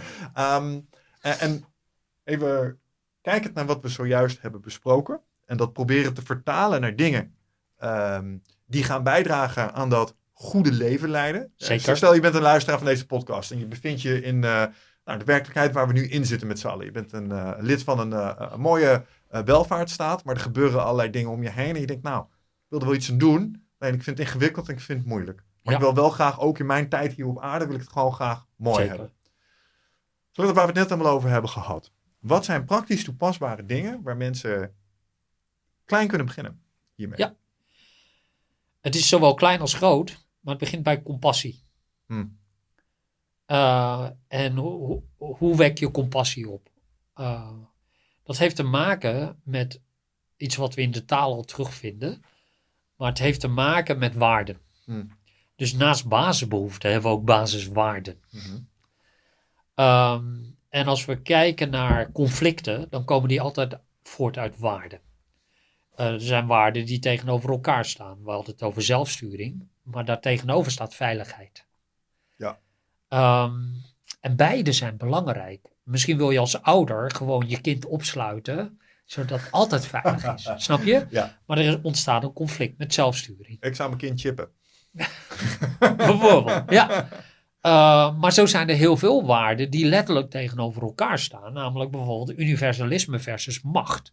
Dus universalisme is dat het elk, bijvoorbeeld elk leven is even belangrijk binnen die corona-discussie. Ja. En macht is nee, ik wil gewoon invloed uit kunnen oefenen. En ik wil uiteindelijk gewoon dat mijn leven niet beknot wordt omdat, omdat doorhoud eh, dus kennelijk zo belangrijk is. Ja. Nou, dat zijn, dat zijn dus twee waarden die weer in strijd zijn met elkaar. Als je het hebt over compassie en je hebt een bepaalde waarde, die deels biologisch gedreven is, eh, dan kun je compassie opwekken door je te verdiepen in de andere waarden. Mhm. En, dat, en we kennen dat in de taal. We, we hebben het altijd, we zeggen het altijd, laat de ander in de waarde. Mhm. Uh, maar we kunnen een stap verder dan dat. Wij kunnen ons daadwerkelijk verdiepen in de waarde. En dan kun je een aantal stappen doen. Mhm. En één ervan is dat je gaat zeggen: oké, wat is dan precies, wat is dan de waarde die dit bepaalt? Oké, is dat universalisme? Iedereen is gelijk, iedereen is even waardevol? Of is dat zelfsturing? Of is dat, wat is het? Oké, ga daar nu eens in verdiepen. Ga daar boeken over lezen, ga daar podcasts over luisteren, Mhm. weet ik veel wat allemaal. Oké, ga je het beter begrijpen. Hoe weet jij dat je het goed begrijpt? Je gaat het pas goed begrijpen als je het aan een ander uit kan leggen. Ja. Dus dat wordt je volgende stap. Ga dat eens uitleggen aan je vrienden die ook die waarden niet delen. Sterker nog, ga het eens verdedigen. En wat er gebeurt is iets heel bijzonders. Want ook hier is gewoon onderzoek naar gedaan Mhm. is dat je meer, niet alleen meer begrip, maar ook meer gaat leven naar die waarden. Uh, en dat is de eerste stap die we moeten nemen om überhaupt uh, die variatie te kunnen verklaren. Dus even, even, zorgen dat ik het goed begrijp wat je zegt. Dus wat je zegt is, stel, ik ben uh, een vleeseter en ik vind vegetariërs maar poesies. Ja. en, en ik denk, nou oké, okay, maar okay, ik moet hier misschien iets mee. Dus wat ik het beste kan gaan doen, is me verdiepen in wat deze mensen beweegt, waarom ja. ze denken. En vervolgens dat standpunt is tegen een ander gaan uitdragen. En dan zal ik merken dat ik waarschijnlijk iets opschuif op het spectrum van de ultieme carnivore naar misschien iets meer van een, hoe heet het ook weer als je beide dingen doet? Volgens mij weer dan. Omnivore. Ja, nee, dat is tegenwoordig flexitariër. Oh, flexitariër. Dat is de hippe term. Oh, Oké, okay, ja. Soms mag je wel, uh, maar je probeert het minder te doen. Ik geloof dat ja. dat een beetje is wat het is. Dus wat je zegt is, als je, als je die exercitie doormaakt... Ja. Zou, zou, je zou bijna zeggen dat we dan structurele debattoernooien moeten gaan organiseren of zo. Want daar, daar is waar je dit doet. Ik heb Zeker. in een debatclub gezeten. Moest ik Ja. dingen gaan verdedigen waar ik het helemaal niet mee eens was. Ja. Maar ik moest wel argumenten ervoor gaan verzinnen. Die Precies. eigenlijk best wel makkelijk te verzinnen waren, viel me op op dat moment. Ja. Dus oké, ja. Ja. Klinkt als veel werk voor, voor uh, de gemiddelde Nederlander om dit Ja, te het is zowel klein als groot. Uh, maar daar zit wel een sleutel, omdat als we de ander niet begrijpen. Kijk, als je kijkt naar wat is nou eigenlijk een goede relatie, want dat is waar het over gaat. Mm -hmm. Kijk, wij in de opleiding hebben heel veel, wij, wij, doen ook debatvoering en je moet dus allerlei oh, on, ja, oh, onverdedigbare stellingen moet je verdedigen. Ja. Als in we gaan uh, klimaatproblematiek oplossen door niet meer in auto's te rijden, maar je moet voortaan op een zebra rijden. Dat is het. En dat, dat moet is, je gaan uitleggen. En dat moet je gaan verdedigen. Ja, ik kan wel een paar Ja. aansteekhoudende argumenten verzinnen. ja. Um, dus, uh, maar wat, wij, wat je ziet is bijvoorbeeld uh, een ander onderdeel in onze opleiding is conflictresolutie. Hmm. En als je kijkt naar conflictresolutie, dan zie je eigenlijk in conflicten zie je eigenlijk twee, twee, twee uitersten. Een uiterste is dat ik het conflict wil winnen. En de andere uiterste is dat ik de relatie wil sparen. Ja. Uh, en waar het natuurlijk om draait is, uiteindelijk kun je en de relatie verbeteren en het resultaat verbeteren. Uh, dat betekent dat wij uh, onze biases moeten zien te overkomen Mhm. en die kloof moeten zien te overbruggen. Ja. Uh, dat lukt door elkaar beter te begrijpen. En één, dat is een kernelement binnen een goede relatie. Um, als jij aan de gemiddelde uh, moeder vraagt, joh, als jouw kind in, in zwaaiende problemen komt, ben jij dan voor hem en voor haar? Ja. Dan zegt hij, ja, natuurlijk. Ja? Dan ga ik naar het kind toe. En dan zeg ik, joh, heb jij het idee dat jouw moeder er voor jou is? Nee. En dan is het nee. Mm -hmm. En waar zit hier dan het probleem?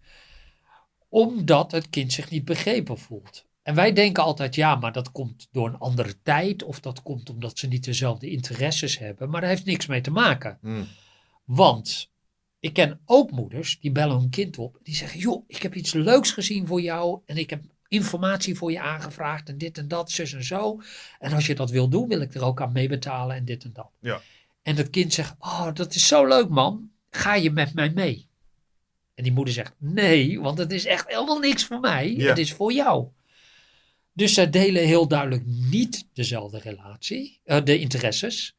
Maar dat, het kind zal de relatie enorm goed vinden. Mhm. Oké, dus elkaar begrijpen zonder dat je dezelfde interesses hebt, Mhm. is hier een sleutel, een kernelement in, een, in het hebben van een goede relatie. Ja. En dat is, eh, dat is eigenlijk het doel van de exercitie. Ja. Je hoeft het er niet mee eens te zijn. Als moeder vind ik het een afschuwelijke activiteit.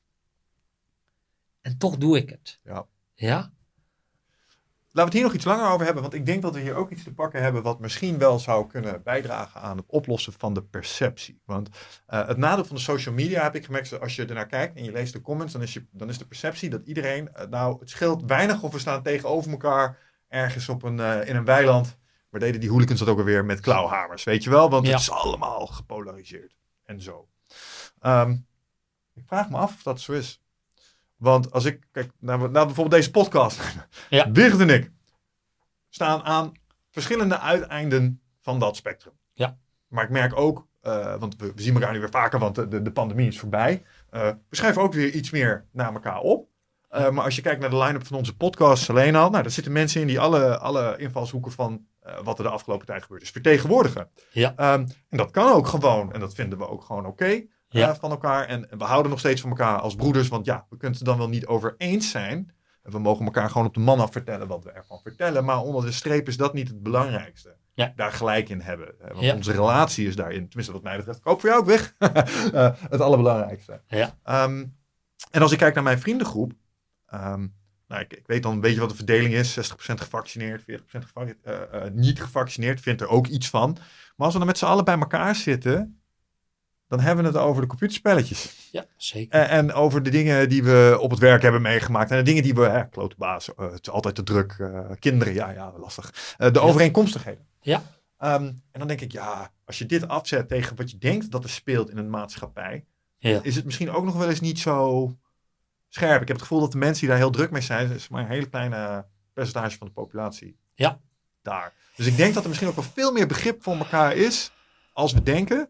Als we eens niet zouden uitgaan van wat we zien op de social media daarin. Is wat ik probeer te zeggen. Ja. Of, of moeten we dat wel dat degelijk dat- serieus nemen? Ik denk dat we het wel serieus moeten nemen. En ik denk gelijktijdig dat het dus niet gaat over vaccinaties.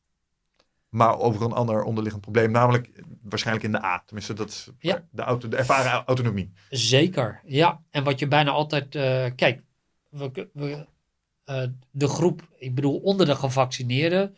Zie je, als je kijkt naar politieke voorkeur. dat is heel duidelijk eh, PVV, FVD en de SGP. Die, die, dat is gewoon de, de, de. Ja, die hebben het grootste aandeel daarin. Van de ongevaccineerden. Ja, En wat zeg je dat? eh, Want, wat, Nou, waar staan als je deze partijen zou moeten samenvatten? Nou, er zijn een paar zaken die, eh, die hebben namelijk, eh, die hebben, die vinden dat zij geen onderdeel meer uitmaken van Nederland. Ja. De ongevaccineerden. Maken geen nou, deel meer de uit van mensen Nederland. die stemmen op die partij, Ja. die herkennen Nederland niet meer terug. Oké, die burgers die vinden dat Nederland niet meer is wat het geweest is. En daarom st- stemmen ze op deze partijen. Ja. En binnen die groep mensen die Nederland niet terug herkent, zie je dat een overgroot deel ongevaccineerd is, is wat je zegt. Ja, zeker. Wat is het verband daartussen? Is dat zij, dat de discussie niet gaat over vaccineren, maar over de verdeeldheid die er al is. Mhm. Uh, en het idee dat er dus vals gespeeld wordt. Dus als jij zegt, alle uh, migranten nemen al onze huizen in, uh, dan, is, dan wordt er dus vals gespeeld. Oké, is, er dus, is er dus ook een verband tussen socio-economische status Zeker. en, en, de, de, en de mensen die hierop stemmen? Als je kijkt naar, uh, er is net een, een Europees onderzoek uh, uit, en daar zie je hetzelfde patroon. Uh, is, is dat er sprake is van lage educatie, laag inkomen, eh, vaak een chronische ziekte Mhm. en nieuws vooral betrekken vanuit sociale media. Ja, Eh, dus dat zijn eigenlijk de vier dingen die, die je eh, in alle landen terug ziet komen. Eh, en ik, ik blijf ervoor pleiten om te zeggen, we kunnen een discussie hebben over vaccins zoveel als dat we willen. Mhm. Uh, maar als we dat onderliggende probleem niet gaan oplossen, het idee dat we tot dezelfde groep behoren, ja. want daar komt het gewoon op neer, uh, dan is, zijn we bezig met symptoombestrijding. Hmm. Oké, dus um, als we het hebben bijvoorbeeld over iets als, oké, die snap ik, uh, wat je daar zegt. Alleen ik probeer hem te rijmen met een constatering die als je even uh, het voorbeeld vac vaccins als, als onderwerp pakt. Wat ik je hoor zeggen is, kijk, een belangrijk deel van die mensen die. Ik heb nog niet helemaal duidelijk waarom mensen die het gevoel hebben dat ze kansloos zijn, ook tegen die vaccins zijn. Want het zou ze maar zo'n stuk biologische veiligheid kunnen geven, maar ze geloven het niet. En dat is omdat het van de overheid komt. Ja, oké, oké. Okay, dan het. Ja. Ze wantrouwen het. Ja, ja zeker. Oké, okay, check. Maar hoe verhoudt die groep zich dan? Want dat kan ik me voorstellen en dat vind ik een logisch uh, mechanisme. Maar ik kom ook uh, best wel hoog opgeleide, welgestelde mensen tegen. Um, die ook die houding Zeker. ten opzichte van vaccins Zeker. pakken. En dat is waar voor mij, als het gaat om dat stukje persoonlijk, wordt het dan weer verwarrend. Um, hè, want dat zijn mensen die ik intellectueel hoog heb zitten. Je hebt hem laatst nog aangehaald. Bert Weinstein had ik uh, tot, ja, ik denk nog steeds wel, want don't throw out the baby with the bathwater. De beste man mag fouten maken. Uh, maar is een man die ik hoog had zitten. Zeker. En uh, die begon het te, te, hebben over de voordelen van, ik vergeet... Ivermectine. Ik spreek ja. het altijd verkeerd uit. um, als een soort argument tegen vaccins. Kijk, en als dat soort mensen de mond opentrekken, ja. ja, dan kijk ik toch net even iets meer mee als dat de lokale Eagles hooligan zeg Zeker. maar, dat zou doen. Ja. Um, maar dat is als je jezelf uniek vindt. En dat zit hem daar dan. dan ja. mm, Die, die, dat component zie je. Het is heel graag contrarian. En, Oké, okay. en als we dan kijken naar uh, vanuit, het, vanuit de wetenschappelijke methode verkregen objectieve waarden. En dan doe ik even de aanname dat je vanuit uh, de wetenschappelijke methode objectieve waarden kunt vaststellen. Zo goed als we zouden kunnen, als we het dan op een manier doen, dan op die manier. Want dat, die Zeker. voldoet aan de logische. Ja, het uh, idee is, is dat je niks kunt bewijzen, maar wel kunt uh, bepalen hoe waarschijnlijk iets is. Ja. En dat is natuurlijk waar het om draait. En hoe weet je dan of iets waarschijnlijk is? Als je alle denkbare invloeden, zoals toeval en, be en beïnvloeding van de mens zelf, mm -hmm. hebt geprobeerd te minimaliseren tijdens het vaststellen. Ja. Dat, dat is eigenlijk het verhaal. En dan kun je niks bewijzen, maar dat is dan het meest waarschijnlijk. Ja. En wat ik, wat ik zo interessant vind, is dat dan uh, die mensen die dat proces ook kennen en omarmen, um, dan nog steeds tot zulke compleet verschillende conclusies lijken te komen. En wat ik moeilijk vind om in te schatten, misschien kun jij me daarmee helpen, is hoe die verdeling nu is. Is het, is het zo dat als je alle wetenschappers op de wereld op een, uh, op een rijtje zet en je vraagt, hey, wel of niet vaccineren, dat 90% zegt, ja, zou ik doen. Uh, en 20% er misschien een andere mening over heeft. Want Nee, ik heb het gevoel dat, dat dat het heel dicht bij elkaar lag. En daarom vind ik het zo'n twijfelachtig geval. Ik uh, zie uh, steeds dezelfde groepje mensen die dat roept. Dat is klein. En dat is een heel klein groepje. Ja, doet me denken aan... En er is ook vaak iets gebeurd. Zie ik heel vaak. Maar je? goed, misschien... nou, bijvoorbeeld zo Robert Malone. Die vindt dat hij bestolen is met zijn mRNA-techniek. Is dat zo? Dat is, dat is wat hij... uh, waar heel duidelijk over... Zijn vrouw is daar overigens heel open in. Wie, wie, uh, wie is deze meneer? Dit is een meneer die daadwerkelijk ook uh, onderzoek heeft gedaan naar de mRNA-techniek. Mm -hmm.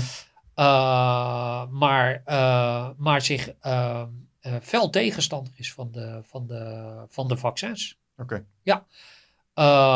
maar, maar ook met zo'n Weinstein. Ja, ik weet niet precies wat er gebeurd is op die universiteit. Mm -hmm. Maar die zijn niet vredig uit elkaar gegaan.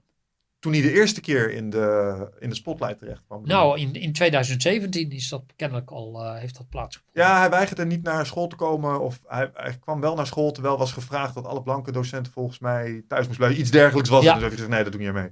Nee. Uh, en toen was hij ineens uh, racistisch. Ja. Wat ik onzin vond, overigens. nou ja, dus... maar dat zie ik heel vaak. Dus het is een, dus een soort van breuk. En...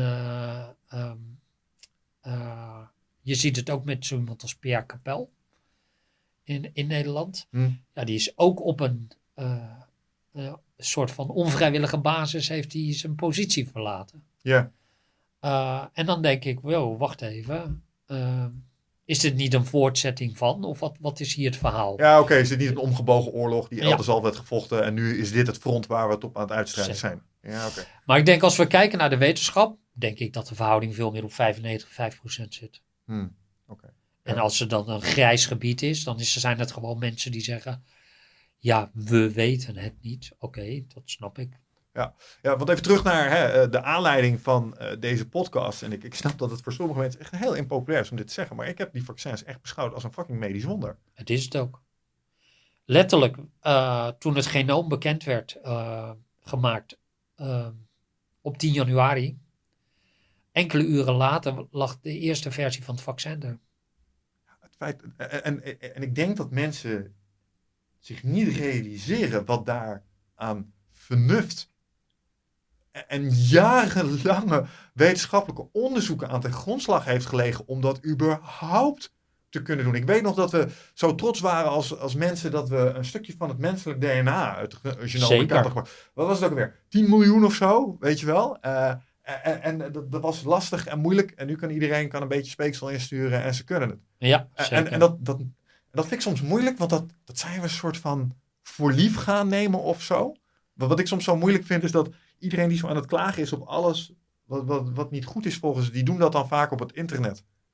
ja. Sta je wel stil bij wat het internet is, weet Ja. je wel? Ja, Oh, die wetenschappers dit en dat en zus en zo.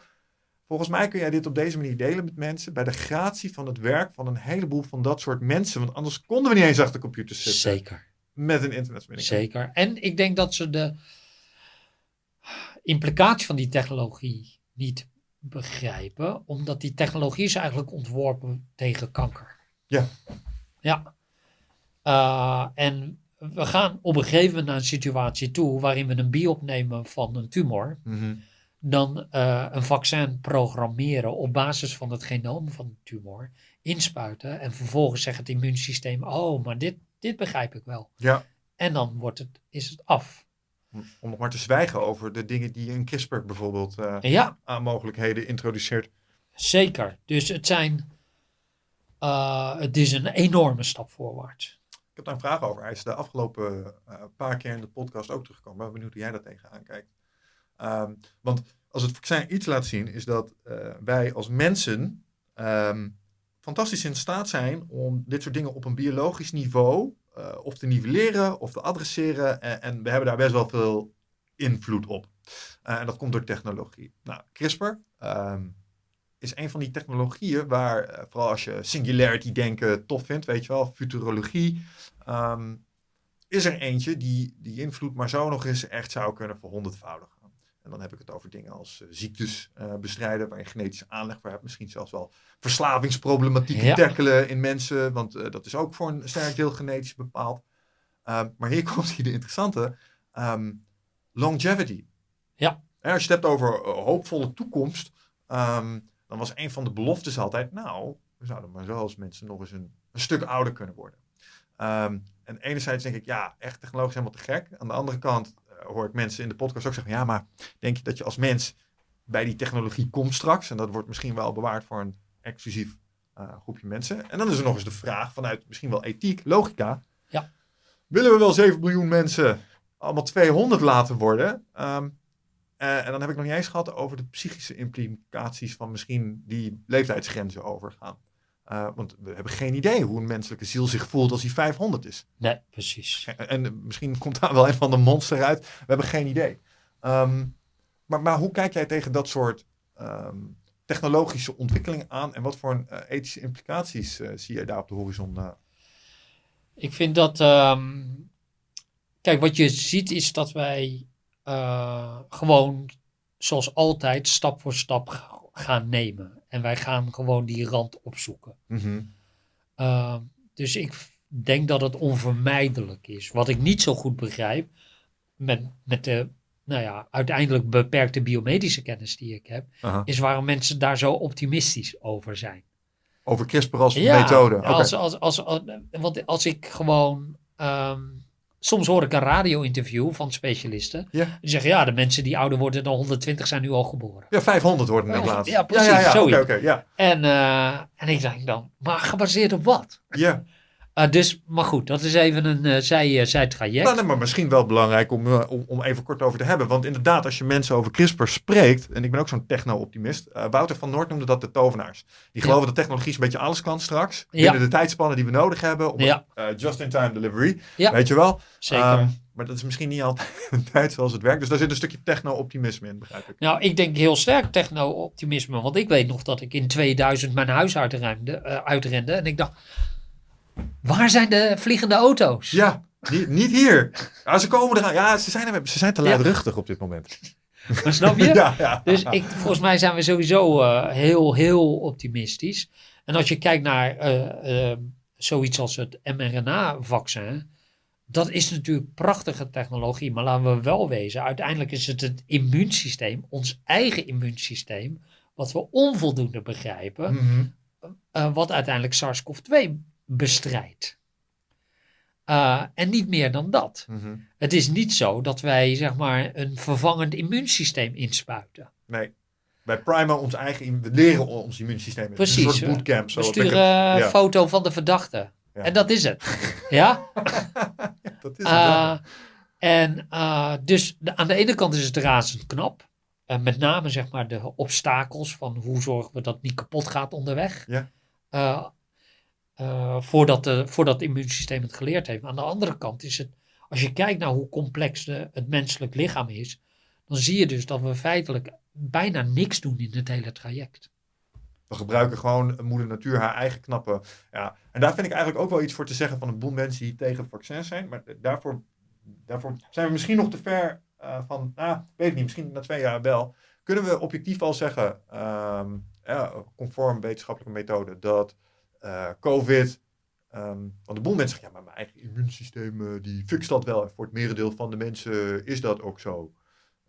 Gaan ze daar tekort door de bocht? Eh, ja, ze gaan er tekort. Deze kort interventie de- was wel degelijk nodig. Je immuunsysteem Ja. even dat setje geven was, Zeker. was noodzakelijk. Nou, wat we weten is dat, dat eh, bijvoorbeeld uit eh RIVM-onderzoek, gedragsunit, dat 10% van de mensen tussen de 16 en de 24 jaar gewoon ehm, eh 12 weken of langer klachten houdt. Wie wil dat? Ja, nee, ja, niemand. Nee, dat snap ik. Ja? En eh, nou, we hebben in onze opleidingen hebben we ook veel te maken met sporters. Ook mensen die eh, zeg maar in de pool van NOC en NSF zitten en zo. Die liggen er gewoon drie maanden af. Ja. Ja. Eh, Trouw- trouwens wel interessant om daar van, vanuit je expertise nog even een... eh, eh, ik schrijf even CRISPR op, dat we hem niet vergeten zo. want we mochten ons afvragen of dat zo hoopgevend was als we zeiden. Maar ehm, als het gaat daarom... Ja, een van de dingen die mij altijd... Kijk, dat we er misschien niet dood aan zouden gaan. Dat was wel redelijk snel duidelijk. Maar wat mij altijd angst aanjoeg... Ja, was de lange termijn consequenties. Je, Ja. bent, je bent ook zelfstandig ondernemer. zeker. Jezus, als ik nu drie maanden eraf lig, eh, dan eh, heb ik eh, een ernstig probleem in mijn uitvoer, een financiële stroom en dat soort dingen. Natuurlijk heb je wel buffers, maar dat wil je dus liever niet, want Ja. je hebt een uitvoerprobleem ineens. En ik ken dus ook mensen die hebben long-covid ontwikkeld. Ja. Ehm, en misschien nog wel even interessant om daar kort bij stil te staan. Ehm, ben je een beetje op de hoogte van hoe dat optimaal behandeld kan worden? Weet je daar wat van? Ja, nou, zoveel als dat er op dit moment aan kennis is. Ja.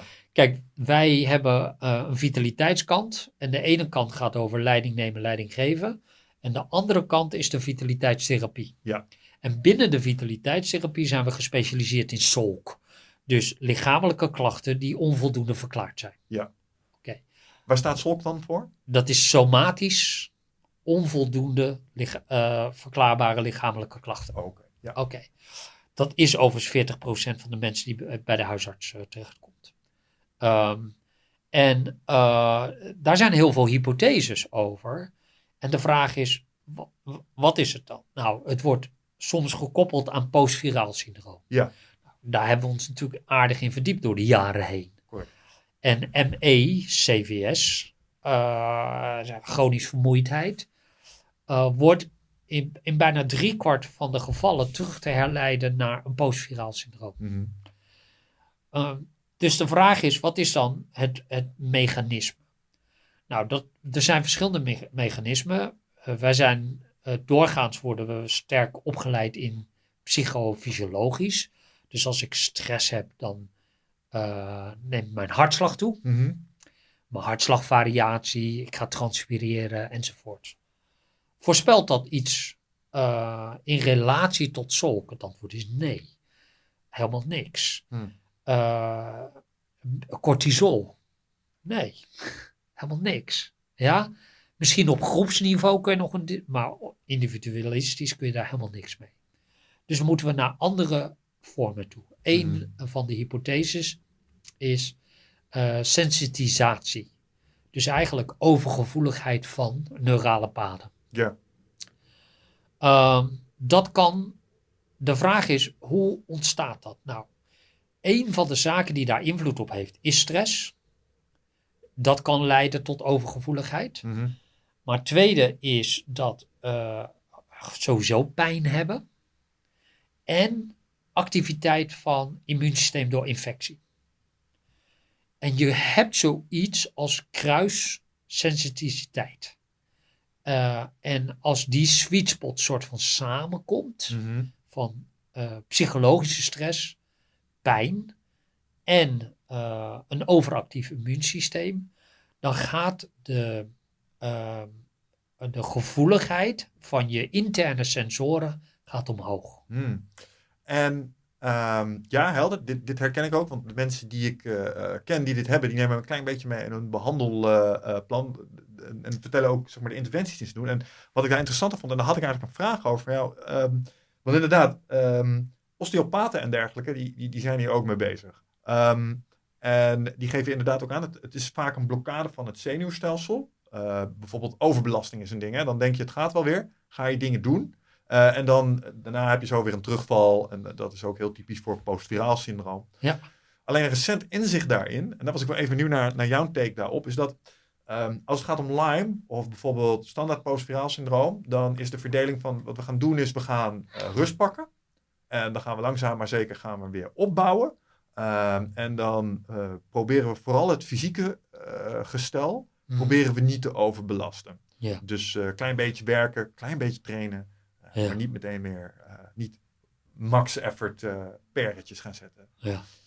Ehm, interessant genoeg eh, lijkt het erop, of de behandelstrategie die nu wordt gekozen bij een van de jongens die ik ken, is eh dat draaien ze om. Wat ze gaan doen is ze gaan de cognitieve prikkel proberen ze echt zo laag mogelijk te houden, terwijl ze juist die fysieke prikkel, ehm, die mag juist meer gegeven worden als normaal gesproken. En ik vroeg me af of dat iets is wat je herkent ehm, en wat het idee daarachter is. Nou, zoals ik er naar kijk, eh, zie ik niet altijd hoe je die twee kunt scheiden. Hmm. Ik zie dat vooral veel maatwerk is. Eh, zoals, zoals wij er naar kijken, is er een constante evaluatie van dreiging. En eh, dat is wat jouw lichaam doet. Jouw brein eh, is niet goed in reageren, maar heel goed in anticiperen. Mhm. En zo goed in anticiperen dat hij gewoon shit verzint. Dus- ja, ja, ja, ja, schim in de duister. Ja, dus Ja. dat is ehm, als je. En, en eh, op basis daarvan zie je dus dat cytokines en nou ja, delen van het immuunsysteem beginnen te reageren, ook als er geen direct gevaar is. Wat er ontstaat is hypersensitiviteit van de zenuwbanen. Niet per definitie een blokkade, Mhm. maar dat zij eh, eerder, zij registreren constant. De vraag alleen is, wanneer stuur ik het door naar het hoofdkwartier? En als ik het te vroeg stuur, dan, eh, dan eh, heeft dat invloed op mijn carrière, zeg maar. Ja, als ik zo lastig val met onnodige onzin. Dus er is een bepaald omslagpunt. En in dat omslagpunt, dat, dat kan fluctueren. Mm. En wat je ziet is dat actief immuunsysteem ervoor zorgt dat het omslagpunt lager wordt gezet. En de vraag is of er sprake is van permanente verlaging. Ah.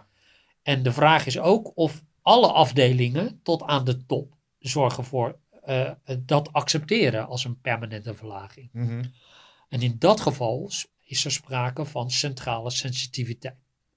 Eh sensitisatie. Dat is eigenlijk. Dus je hele, hele Ja. zenuwstelselketen is daarmee eigenlijk op standje Ja. vijf- 50 gezet. Precies. Eh, en wat, gebeurt, wat je dan krijgt is wat men noemt sickness behavior. En sickness behavior is als je een normale infectie hebt. Als je een normale infectie hebt, kan je zomaar 250 calorieën extra per dag gebruiken. Dat komt door de aanmaak van immuunsystemen. Daarom zou je meer eiwit kunnen eten. Mhm. Uh, maar je hartslag gaat ook omhoog. Dat is een van de redenen waarom sommige mensen die oud zijn sterven als ze een vaccin krijgen. Omdat hartslag eh, omhoog. Omhoog gaat. Ja. Oh. Dus wat je. eh, dus we weten dat je meer energie gaat gebruiken. En dat betekent dat het lichaam zegt: wacht even, er is geen energietekort. Maar wij moeten wel eh, energie besparen. Hm. En eh, dat kan door jou moe te maken. En als er een deel eh, aangedaan is, dan wil ik ook niet dat je het beweegt. Dus dan ga ik je pijn geven. Hm. Dus dat is sickness behavior. Nou, volledig functioneel. Totdat het niet meer functioneel is. Dus als je eh, centrale sensitisatie hebt, ga je dus zien dat het niet meer functioneel is. Ja. Ehm, de vraag is, wat beïnvloedt die overgevoeligheid? Ja. Dat, ze- dat zijn zowel ehm, fysieke factoren als wel eh, gedragspatronen, als wel cognitieve denkbeelden. Oeh, die, die laatste vind ik interessant. Kun, kun je daar, die, die eerste twee die volg ik Ja. intuïtief. Eh, maar wat heeft die laatste? Catastroferen. Met andere woorden, jezelf in de stress helpen door te denken dat het niet goed komt. Ja, bijvoorbeeld ja. Kijk, wij weten allemaal dat als je naar een enge film kijkt, dat je in één keer je hartslag omhoog ja, ja. Toch? Nou, er is niet zoiets dat je nou heel hard aan het bewegen bent. of Tegenwoordig heb ik dat bij nu.nl trouwens. Ja, precies. De vraag is of jouw lichaam begrijpt wat dat betekent als jouw hartslag omhoog gaat. Ja. Ja? Nou, als dat gepaard gaat met negatieve emoties, dan is er dreiging. Als je dan ook nog slecht slaapt, waarom zou je slecht slapen? Dat is alleen als er gevaar dreigt. Ja. Dus op rudimentair niveau zie je dat het lichaam eh, minder eh, genuanceerde betekenis geeft aan allerlei lichamelijke signalen. Mhm. Nou, dat is zeg maar vanuit introceptie, hè? Eh, de interne lichamelijke zintuigen, die allemaal constant signalen geven voor de begroting. Eh, De nog energiebegroting bedoel je? Huh? De energiebegroting. energiebegroting, Ja, ja, ja, ja. En, eh, eh, maar ook is het koud en wat betekent dat dan? En ook dat is een energiebegroting, want moet ik dan de boel opstoken en heb ik daar genoeg energie voor? Mhm. Dus, en nou ja, zoals je weet, geen enkele begroting komt ooit uit. ja? Zeer zelden. Zeer Dus zelden. moet je het bijstellen. Ja. Nou, als er dus iets misgaat in die bijstelloop, ontstaan, dan krijg je dan adapti- adaptieve uh, sickness behavior. Mhm. Word je daarom dus veel moeier? Heb je daarom meer pijn? Heb je daarom uh, dat je buiten adem bent, zonder dat er sprake is van zuurstofschuld? Um, dat is het gebied waar wij naar kijken. Ja. En uh, de vraag is: kun je dan het evaluatiesysteem, het risico-evaluatiesysteem of het, het risk management team, kan je dat geruststellen? Ja. Nou, dat kan eventueel door iemand um, fysiek zwaarder te prikkelen. Mm-hmm. En dan zeggen, joh, zie je, geen enkel probleem. Ah, ja? een soort blootstellingstherapie. Het is, ja, maar wel blo ja, blootstelling in de, met, met, de, met geruststelling. Ja. Ja. Ja. Ja, ja, ja, ja. Uh, en we zien dat soms ook met pijn. Dus als mensen uh, meer pijn ervaren, en je zegt op een gegeven moment, ja, maar er is niet meer schade. Er ontstaat niet meer schade. Je had pijn, toen kon je uh, 100 kilo tillen. Daarna, daarna had je meer pijn en toen ging je weer 100 kilo tillen. Toen lukte het nog steeds. Er is dus niks kapot gegaan. Zijn we het daarover eens? Want als er iets kapot is gegaan, kan jij niet nog een keer 100 kilo tillen. Ja, en dat, die, die overtuigingskracht zit hem in het ondergaan van de oefening en het daadwerkelijk, zodat je overtuiging over het onderwerp wordt getweakt, omdat je nu ervaring hebt die Ja, je framet, de, je framet de reactie anders. Ja? Dus ik kan twee dingen doen. Mijn hartslag is omhoog. Mijn bloeddruk neemt toe. Ja? Ik begin te zweten. Wat is mijn stressor? Nou, er is geen stressor. Ik ben gewoon aan het hardlopen. Snap je?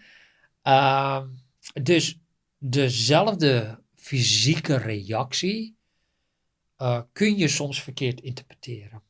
En eh, op cognitief niveau, maar ook op een veel lager niveau. Ja. En het constant bijstellen van, mag ik deze boodschap doorsturen? Dus wat is de drempelwaarde? Ik voel druk. Wow, hoeveel druk? Nou, wel twee keer mijn lichaamsgewicht. Ja, dan stuur ik dat door. Gevaar, gevaar, gevaar. Ja, Ja, en dan ergens cognitief. Ja, maar je bent toch aan het hardlopen? Dan maak je toch gewoon klappen? Dat is toch gewoon twee keer het lichaamsgewicht? Ja? Eh, en dan gaat het signaal weer terug, wordt de drempelwaarde bijgesteld. ja, maar wat ik daar interessant aan vind is de daadwerkelijke eh, eh, cognitieve link. Dus, dus het feit dat, dat, dat het even geparst moet worden door, de bewust, door het bewustzijn. Zeker? Ehm, waar je verwacht dat deze dingen misschien meer op autopiloot zijn. En de invloed van jouw cognitie op dat proces, dat is volgens mij wat het placebo-effect ook deels verklaart, blijf ik fascinerend vinden. Nou, in zijn algemeenheid, maar dat is misschien sowieso zelfs de werking van emotie. Wij denken dat emotie per definitie een lichamelijk fenomeen is, of iets is wat wij, wat wij hebben. Maar dat is niet hoe de wetenschap op dit moment naar kijkt. Die Hmm. zeggen emotie is een construct. Je construeert het. En het- je construeert het pas als er bewustzijn is. Ja, agreed. Eh, maar zit het hem niet in de interpretatie van de gevoelens die het een emotie maken? Want ehm mij van, joh, alles wat e- eh, eh, psychologisch is, is ook in sterke mate biologisch. Hè? Zeker. De hoeveelheid testosteron in jouw bloed kan bepalen hoe jij wel of niet uit de bocht vliegt als je pissig wordt. Roid rage is een ding. Snap je wat ik bedoel? Dus daar wordt een emotie beïnvloed door iets hormonaals. Ehm, Ja, maar dat effect is heel beperkt. ja, oké. Dus het is de, het, het, het, hetgeen wat je construeert. Jouw lichaam, jouw interoceptie krijgt constant signalen. Ja. Of het dan hormonaal is, of welk signaal dan ook. Dan voel je iets. Dat noemen we dan affect. Mhm. En dat kan plezierig zijn of niet plezierig. Het kan activerend zijn. Uh, maar nu wordt het interessant. Want nu voel je iets en de vraag is welke betekenis geef je daaraan. Juist. Zodra jij, dat betekent op het moment dat jij uh, uh, daar cognitief mee bezig bent, je, zelfs in een split second, als jij dat interpreteert als gevaar, dan, uh, of, of überhaupt een betekenis aangeeft, dan wordt het emotie. Juist. En, uh, en dan gaat het in één keer bloeien. En, en, ja. en gaat het in één keer groot worden. Ja. Want ik kan road rage hebben, ook al heb ik laag testosteronniveau. Maar als mijn betekenis is van, de, van het idee dat iemand uh, mij kwaad wil doen. Mm -hmm. En ik voel me veilig in mijn auto, want dat is een tweede component. Ja. Dan kan ik ineens heel stoer gaan doen. Dat snap ik. Maar ik, ik had het niet over road rage. Ah. Ik had het over roid ah, rage. Ja, ja, ja, ja, ja. Anabole steroïden. Ja, zeker. Ja, maar dat zijn suprafysiologische uh, hoeveelheden. Extra, extra, ja, extreem hoge hoeveelheden. Ja, want wij hebben heel lang gedacht, 60 jaar lang hebben wij gedacht dat testosteron niks deed. Okay. Dus we hebben 60 jaar lang hebben we testosteron ingebracht en er gebeurde niks. Ja. Totdat men zes keer de uh, normale, normofysiologische hoeveelheden uh, ging gebruiken. Toen pas ging, de, ging er wat gebeuren. Hmm. Dus de vraag is dus, is hoeveel he, uh, hebben hormonen nu echt invloed op? Dus en, minder als we en, misschien verwachten. Ja, dat, daar lijkt het wel op. Okay. En dat is een van de redenen. Ik had laatst ook nog opmerking gemaakt, ook in relatie tot Brent uh, Weinstein, uh, met, met Robert Sapolsky. Ja. Ja, de Robert Sapolsky. Die natuurlijk zijn werk, zijn levenswerk rondom cortisol heeft gebouwd. Ja. En hij is ook een soort Ari Safari, die natuurlijk daadwerkelijk uh, in Afrika die, die apen gaat bestuderen. Ari Safari. Ja. Uh, en, en ik, als ik naar zijn, uh, zijn colleges luister, op YouTube bijvoorbeeld, is gewoon awe, in, in awe. Ja. ja. Ik vind het prachtig om naar te luisteren. En wat ik ook bijzonder vind, is dat hij kennelijk een uur kan praten zonder e te zeggen. Ja. Maar wat ik gelijkertijd soort van later heb ontdekt, is dat er heel veel bullshit in zit. Enorme extrapolaties waarbij je vanuit neurobiologie psychologie probeert te verklaren. Ja. En in de psychologie wordt het omarmd, want dan worden ze ook een keer serieus genomen als een wetenschap. Ja. Maar ik heb letterlijk nog nooit gezien, maar dan echt nog nooit, dat neurobiologie gedrag heeft kunnen verklaren wat we met goede psychologische experimenten al niet hebben kunnen verklaren. Hmm.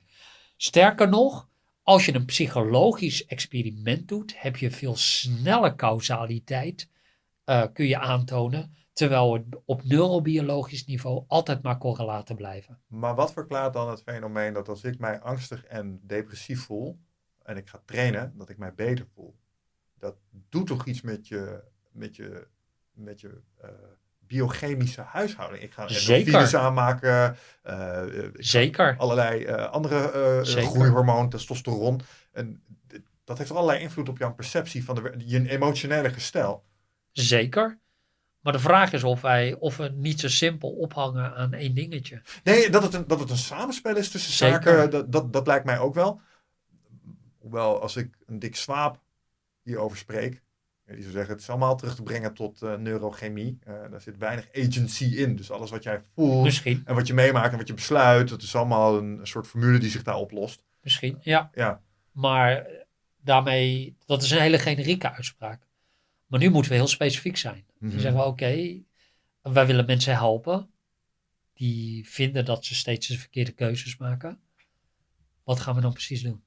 En dan zie ik dat er soms een hele specifieke verklaring komt. Dit hormoon en deze Ja. neurotransmitter enzovoort.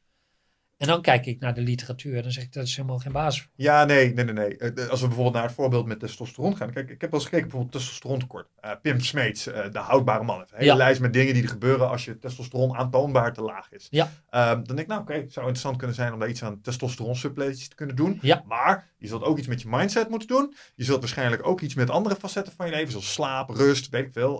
Ga iets najagen om dat gevoel van zingeving te krijgen. En dat zal waarschijnlijk ook invloed hebben eh, erop. Dus dat samenspel begrijp ik. Eh, maar ja, bijvoorbeeld testosteron tekort is wel degelijk een ding. Zeker. Nee, ik, het laatste wat ik wil ontkennen is dat wij eh, dat, het, dat, dat, we, dat we dit los kunnen koppelen van het lichaam. Dat is niet wat ik zeg. Nee, check. Ja, oké. Wat ik zeg is dat wij ehm, veel te gemakkelijk neurobiologische verklaringen hebben die uiteindelijk gewoon loszand zijn. En ik zie dus heel veel hoogleraren daar, ehm, daar schuldig aan maken. Omdat het zo'n mooi verhaal is. Mhm. Eh, het is gewoon lekker om dat te kunnen vertellen. En ik heb eh, één ding geleerd. Als het lekker is en niet echt, dan is het gewoon porno. Ja? Eh, en in dit geval is het gewoon neuroporno. Neuroporno, ja. Ja? Ehm, maar dat doe je gewoon. Maar dat is een marketinginstrument. En uh, nou, voor, voor Want als het neuro verhaal- is, is het ingewikkeld. Dus moet het wel intelligent zijn. En geeft dus ook een soort van credibility. Van ja, wie weet er nou eigenlijk echt genoeg van om te kunnen ontkrachten. Dat is ook nog weer zo'n dingetje. Nou, deels, maar het voedt heel duidelijk de behoefte aan causaliteit. Ja. Eh, Ik voel me wel pittig aangesproken. Wil ik best zeggen, mensen. Ik schrijf Ja. namelijk ook over in mijn boek over dit soort dingen. Ja. En eh, dit... Ja. Dus, nou eh, ja, het, het maakt het verhaal heel smeuig. Het is marketing. Ik vind het gewoon marketing. Ja, En als iemand zegt dit is marketing, dan zeg ik, hé hey, prima, dat heb je goed gedaan.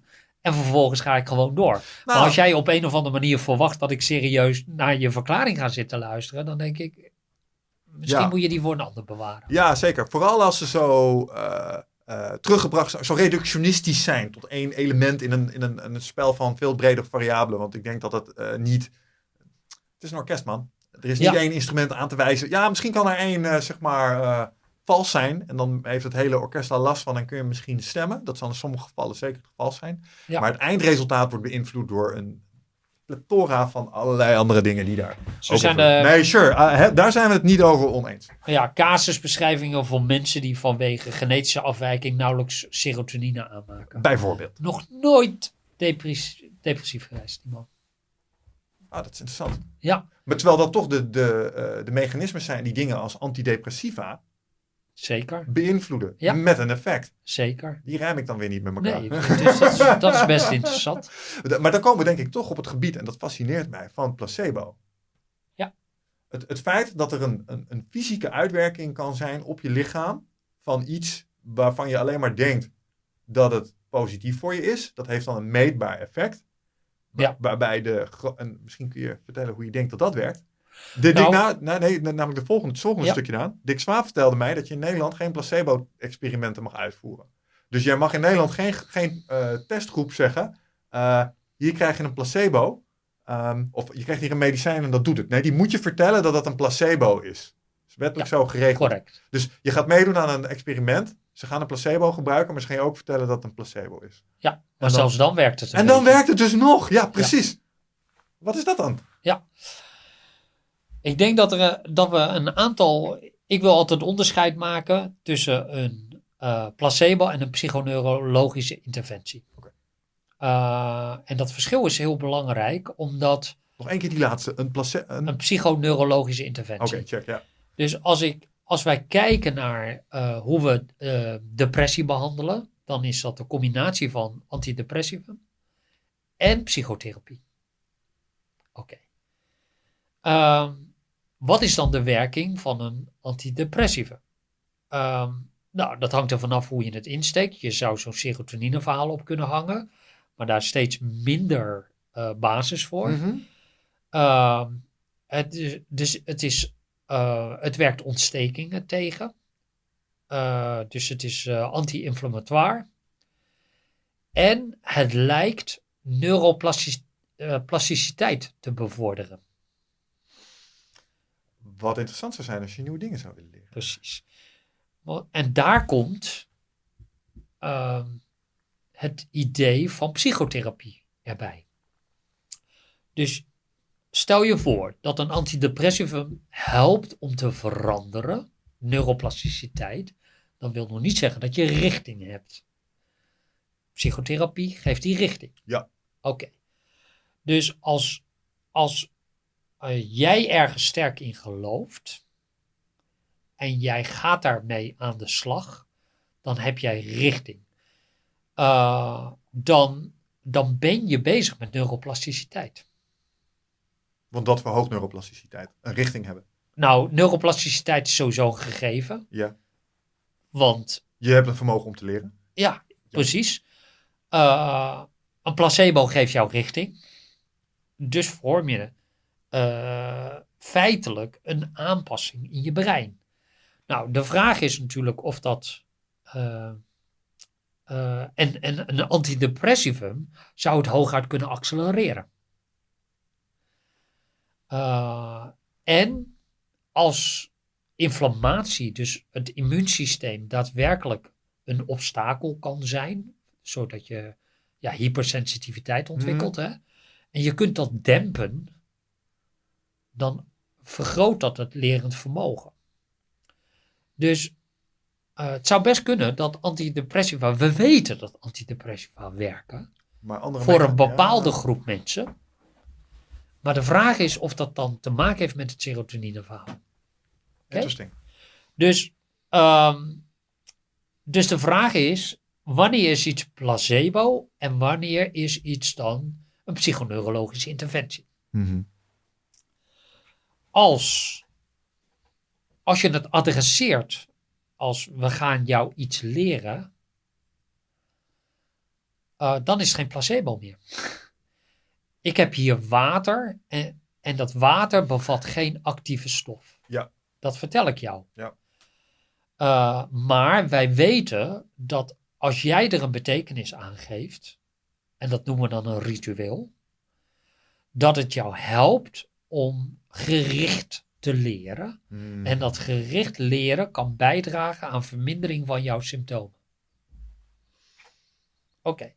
als dat mijn verhaal is, is het dan nog steeds een placebo? Nee, het is een psychoneurologische interventie. Want ik, ik vind dat placebo, want ook in Amerika hebben ze natuurlijk placebo-onderzoek, maar daar moeten ze erbij vertellen dat het dan een placebo ja, is. ook daar.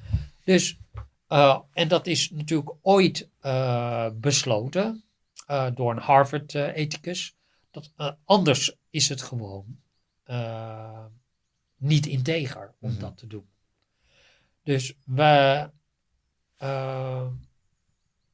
dus is, is placebo dan een manier om te framen en te leren? Dat is eigenlijk het verhaal. Hmm. En wij, wij zien dat met pijn.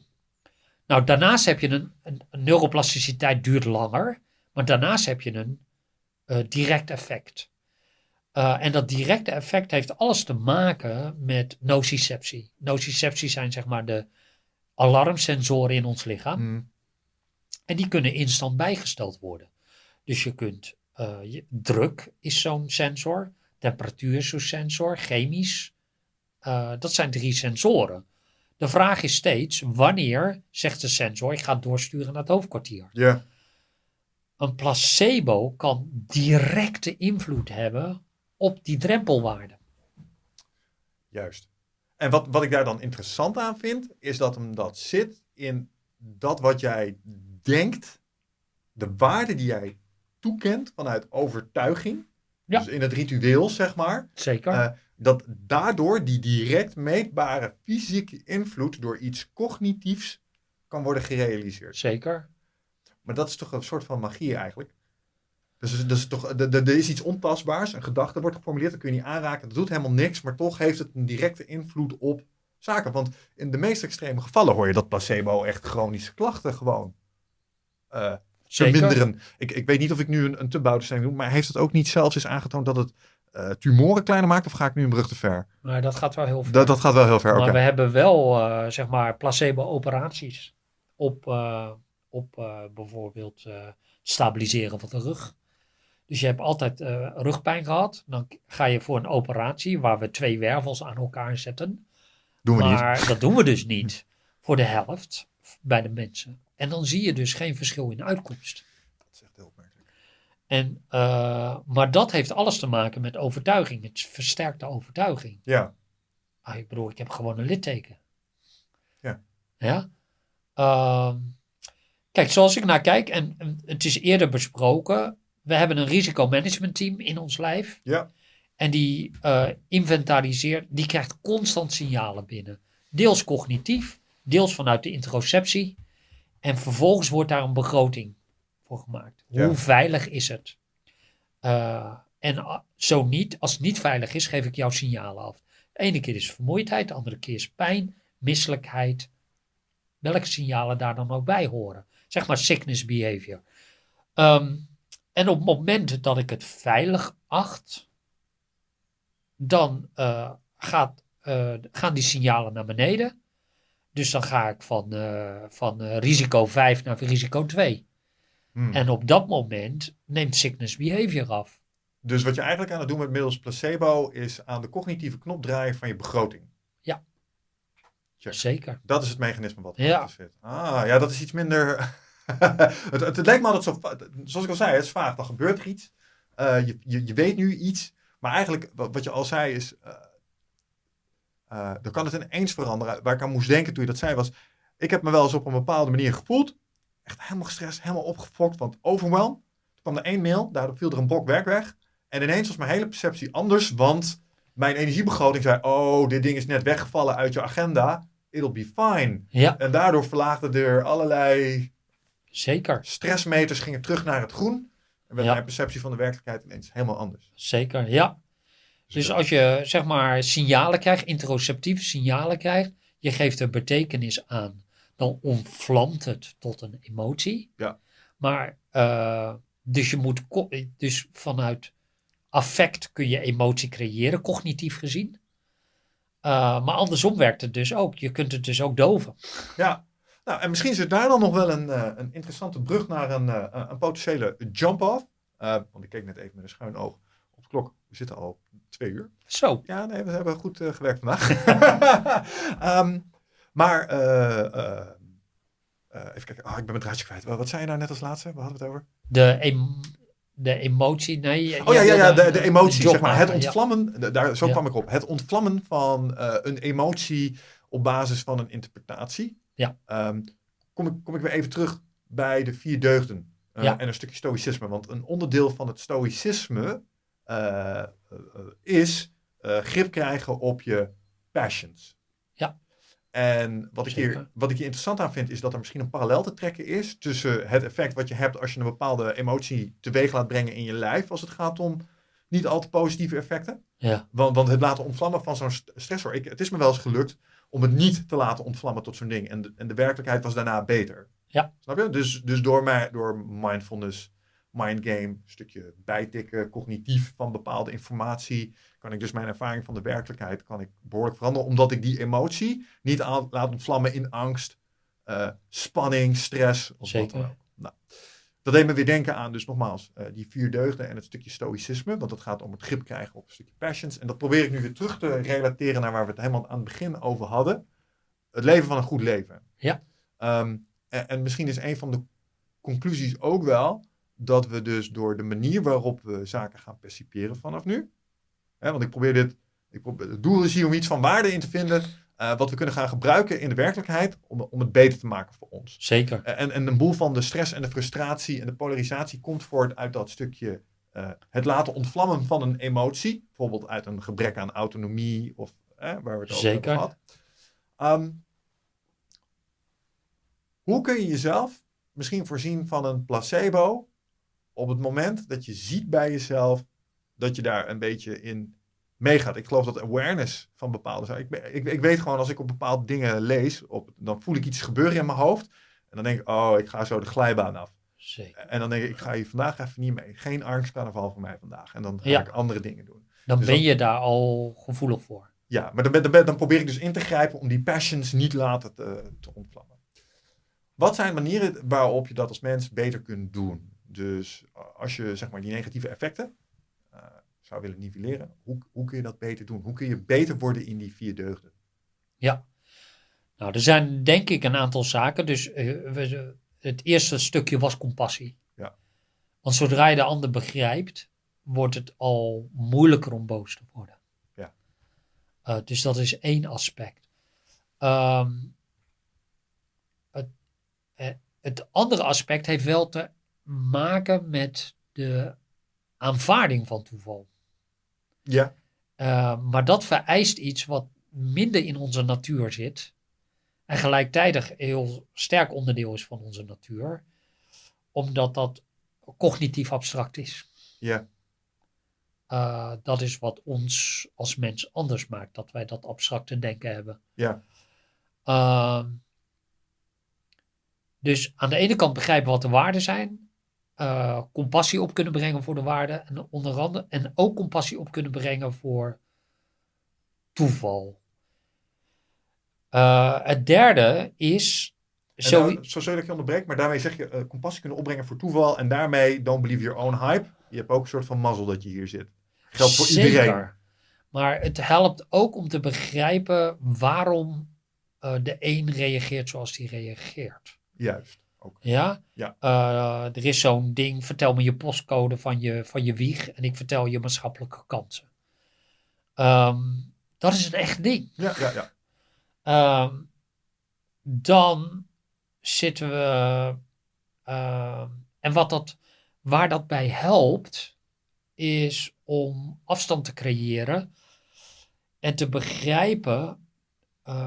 kijk, we hebben heel snel het idee dat we ons. Eh, het, en dat is gepopulariseerd door, Steve, door, door Covey.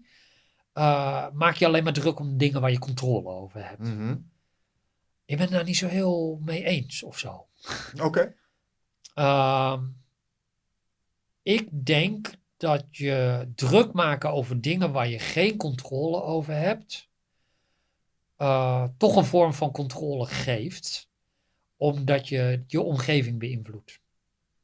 Ja. Totdat je iemand wild in het wild bij toeval tegenkomt, die daar wel controle over heeft. Ja. Ik vind het dus korte termijn denken. En ik denk, ik zou eraan willen toevoegen, je kunt ook dingen doen om je cirkel van invloed proactief uit te breiden, als je het belangrijk genoeg vindt. Dus als er Zeker. dingen buiten je zone of control vallen, verbreid dan je zone of control. Dat is één deel. Maar als je accepteert dat het toeval is, dan kun je ook gewoon blijven prediken En vanzelf tref jij wel een keer, ja, ja, ja. Ja? eens. En als genoeg mensen dat doen, dan wordt de kans groter. Ja. Eh, dus vandaar dat ik het heel onprettig vind om daar alleen maar te, te beperken tot controle of het vergroten van je invloed. Mhm. Eh, als, er, als er veel random is, waarom ga je daar tegen vechten? Waarom rol je niet mee in random? Gebruik het. Gebruik. het. Ja. ja. Ja, ja, ja. Uh, en, dat en dat is een, een extra onderdeel. Als jij een overtuiging hebt, uh, dan, dan ga je zien dat als je daar, ook al heb je daar geen controle over, dan ga je daar toch controle over krijgen. En dat heeft met leiderschap in zijn algemeenheid te maken. Zien, geloven, verkondigen. Uh, dat is wat Gandhi en Hitler natuurlijk gewoon deelden. Mhm, mhm. Ja. Uh, en uiteindelijk, zonder vooropgezet plan, zonder dat je er controle over krijgt, heb je toch invloed. Ja. Ja. En wat ik er fraai aan vind, is dat het ergens ook wel lijkt aan te sluiten bij het meritocratisch denken. Zeker. En dat vinden we een intuïtief heel logisch. Hè? Ja, zeker. Dus dat is zeg, mijn, mijn. Dat is waar. Kijk, uiteindelijk. Ik, ik post veel over COVID. Maar hoe de fuck is Chi? Ja. Ja? Ik weet inmiddels dat ze wel weten bij het OMT wie ik ben. Ja. Ik ben daar nooit mee bezig geweest, kan ik je zeggen. Nee. Ja? Um, maar uh, ik vond gewoon iets en ik bleef dat gewoon verkondigen. Ja, en door consistent, consistent effort erop te plegen, ja. is het uiteindelijk op een plek gekomen waar er potentieel iets mee kan gebeuren. Of niet? Ja, ja zeker. Ja, duidelijk. Dus uh, dan, als je, je, je kunt zeggen, hé, hey, ik ga mijn, uh, mijn, mijn, mijn emoties onder controle brengen. De vraag is, oké, okay, je hebt die emotie. De vraag is, wat wil het lichaam jou vertellen? Mm -hmm. uh, ligt er behoeftefrustratie onder? Uh, dus in plaats van ga ik nou inteugelen, waarom ga ik niet kijken of ik mijn basisbehoeften kan bevredigen? Ja. Uh, dus binding, competentie en autonomie. Waarbij je niet streeft naar autonomie, maar streeft in een, naar een omgeving waar je uiteindelijk jezelf mag zijn. En dat betekent dat je je richt op je omgeving in plaats van jezelf. Mm. Er is namelijk iets heel destructiefs aan gericht zijn op jezelf. En dat is een beetje een ziekte lijkt te zijn van deze tijd. Dat we, omdat we zo onafhankelijk kunnen zijn, dat we dat doen.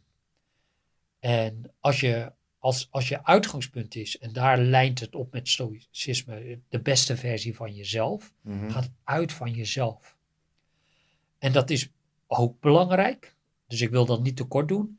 Maar wij hebben daar in onze eigen opleiding en in onze eigen aanpak iets tegenover gezegd. Mm. En dat is de nobelste versie van ons. Ja, noblesse oblige. Ja. Ja, maar dan tot de mensheid. zeg Ja, maar. zeker. Ja. Dus, Maar ik interpreteer die als als je jezelf in een positie van privilege bevindt, doe je er goed aan om dat uh, te gaan delen met anderen en een positieve invloed daarmee uh, te hebben op je omgeving. Zeker. Dat is hoe ik die interpreteer. Ja. En, uh, maar op het moment dat het daadwerkelijk de nobelste versie is, dan is het dus niet. Dan moet je ook op een gegeven moment eerlijk zijn over de motieven die je hebt. Ja.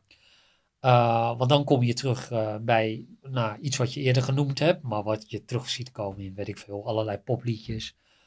Uh, zoals van George Michael, weet ik veel, Charity is a coat you wear twice a year. Is dat je met de verkeerde motieven dingen doet. Dus we hadden het al over waarde. Doe je het uit om te domineren uh, en te manipuleren? Ja. Of wil je het anders invullen? En daar kun je steeds over nadenken. Hoe ga ik het anders invullen? En dat zijn eigenlijk de, de stappen uh, hoe je van de beste versie van jezelf naar de nobelste versie van ons kan. Door je niet op jezelf te richten, maar wel en tegelijkertijd wel, omdat jij zegt: Ik wil eerst zorgen dat ik zo goed functioneer binnen de cirkel waar ik zit, Mhm. dat ik oprecht het gevoel heb dat ik mezelf mag zijn. En eh, dat is, dat, ja, dat is de lange route. Ja, En de korte route is dat je doet, ik doe alleen maar waar ik zin in heb. En ze moeten me maar accepteren zoals ik ben. ja, maar die is niet duurzaam. Dus ik denk niet Ja. dat, we, dat we die moeten hanteren. Chi, wat mij betreft is dat echt een fantastische gedachte om eh, deze podcast mee eh, af te ronden. Ehm dankjewel man. Eh wijze inzichten. Het is niet makkelijk wat je vertelt. Ehm, eh, zeker niet om, om, om toe te passen. Maar ik denk toch echt dat er aanknopingspunten in zitten voor iedereen die dit luistert. Om het, ook al is het maar 1% beter te gaan doen. En dat is ook iets, ik denk dat we dat ook niet moeten vergeten met elkaar. Het hoeft allemaal niet van vandaag op morgen in één keer 100% goed te gaan. We Nee. mogen hiermee worstelen, we mogen hiermee stoeien, als we het maar proberen. Eh, en, en vooral, eh, ik denk de belangrijkste les die ik mezelf ook kan aantrekken hierin, is toch nog meer proberen om de andere kant goed te gaan begrijpen. Zeker. Nog Ja, beter. ja, Chi, dankjewel. jij ook. Luisteraars, jullie ook weer bedankt voor het luisteren. Ik hoop dat jullie er waarde aan, eh, aan hebben ontleend en dat, dat jullie tot denken heeft geïnspireerd. Ik zie jullie graag bij de volgende. Dank jullie wel. Fijne dag nog. Ciao.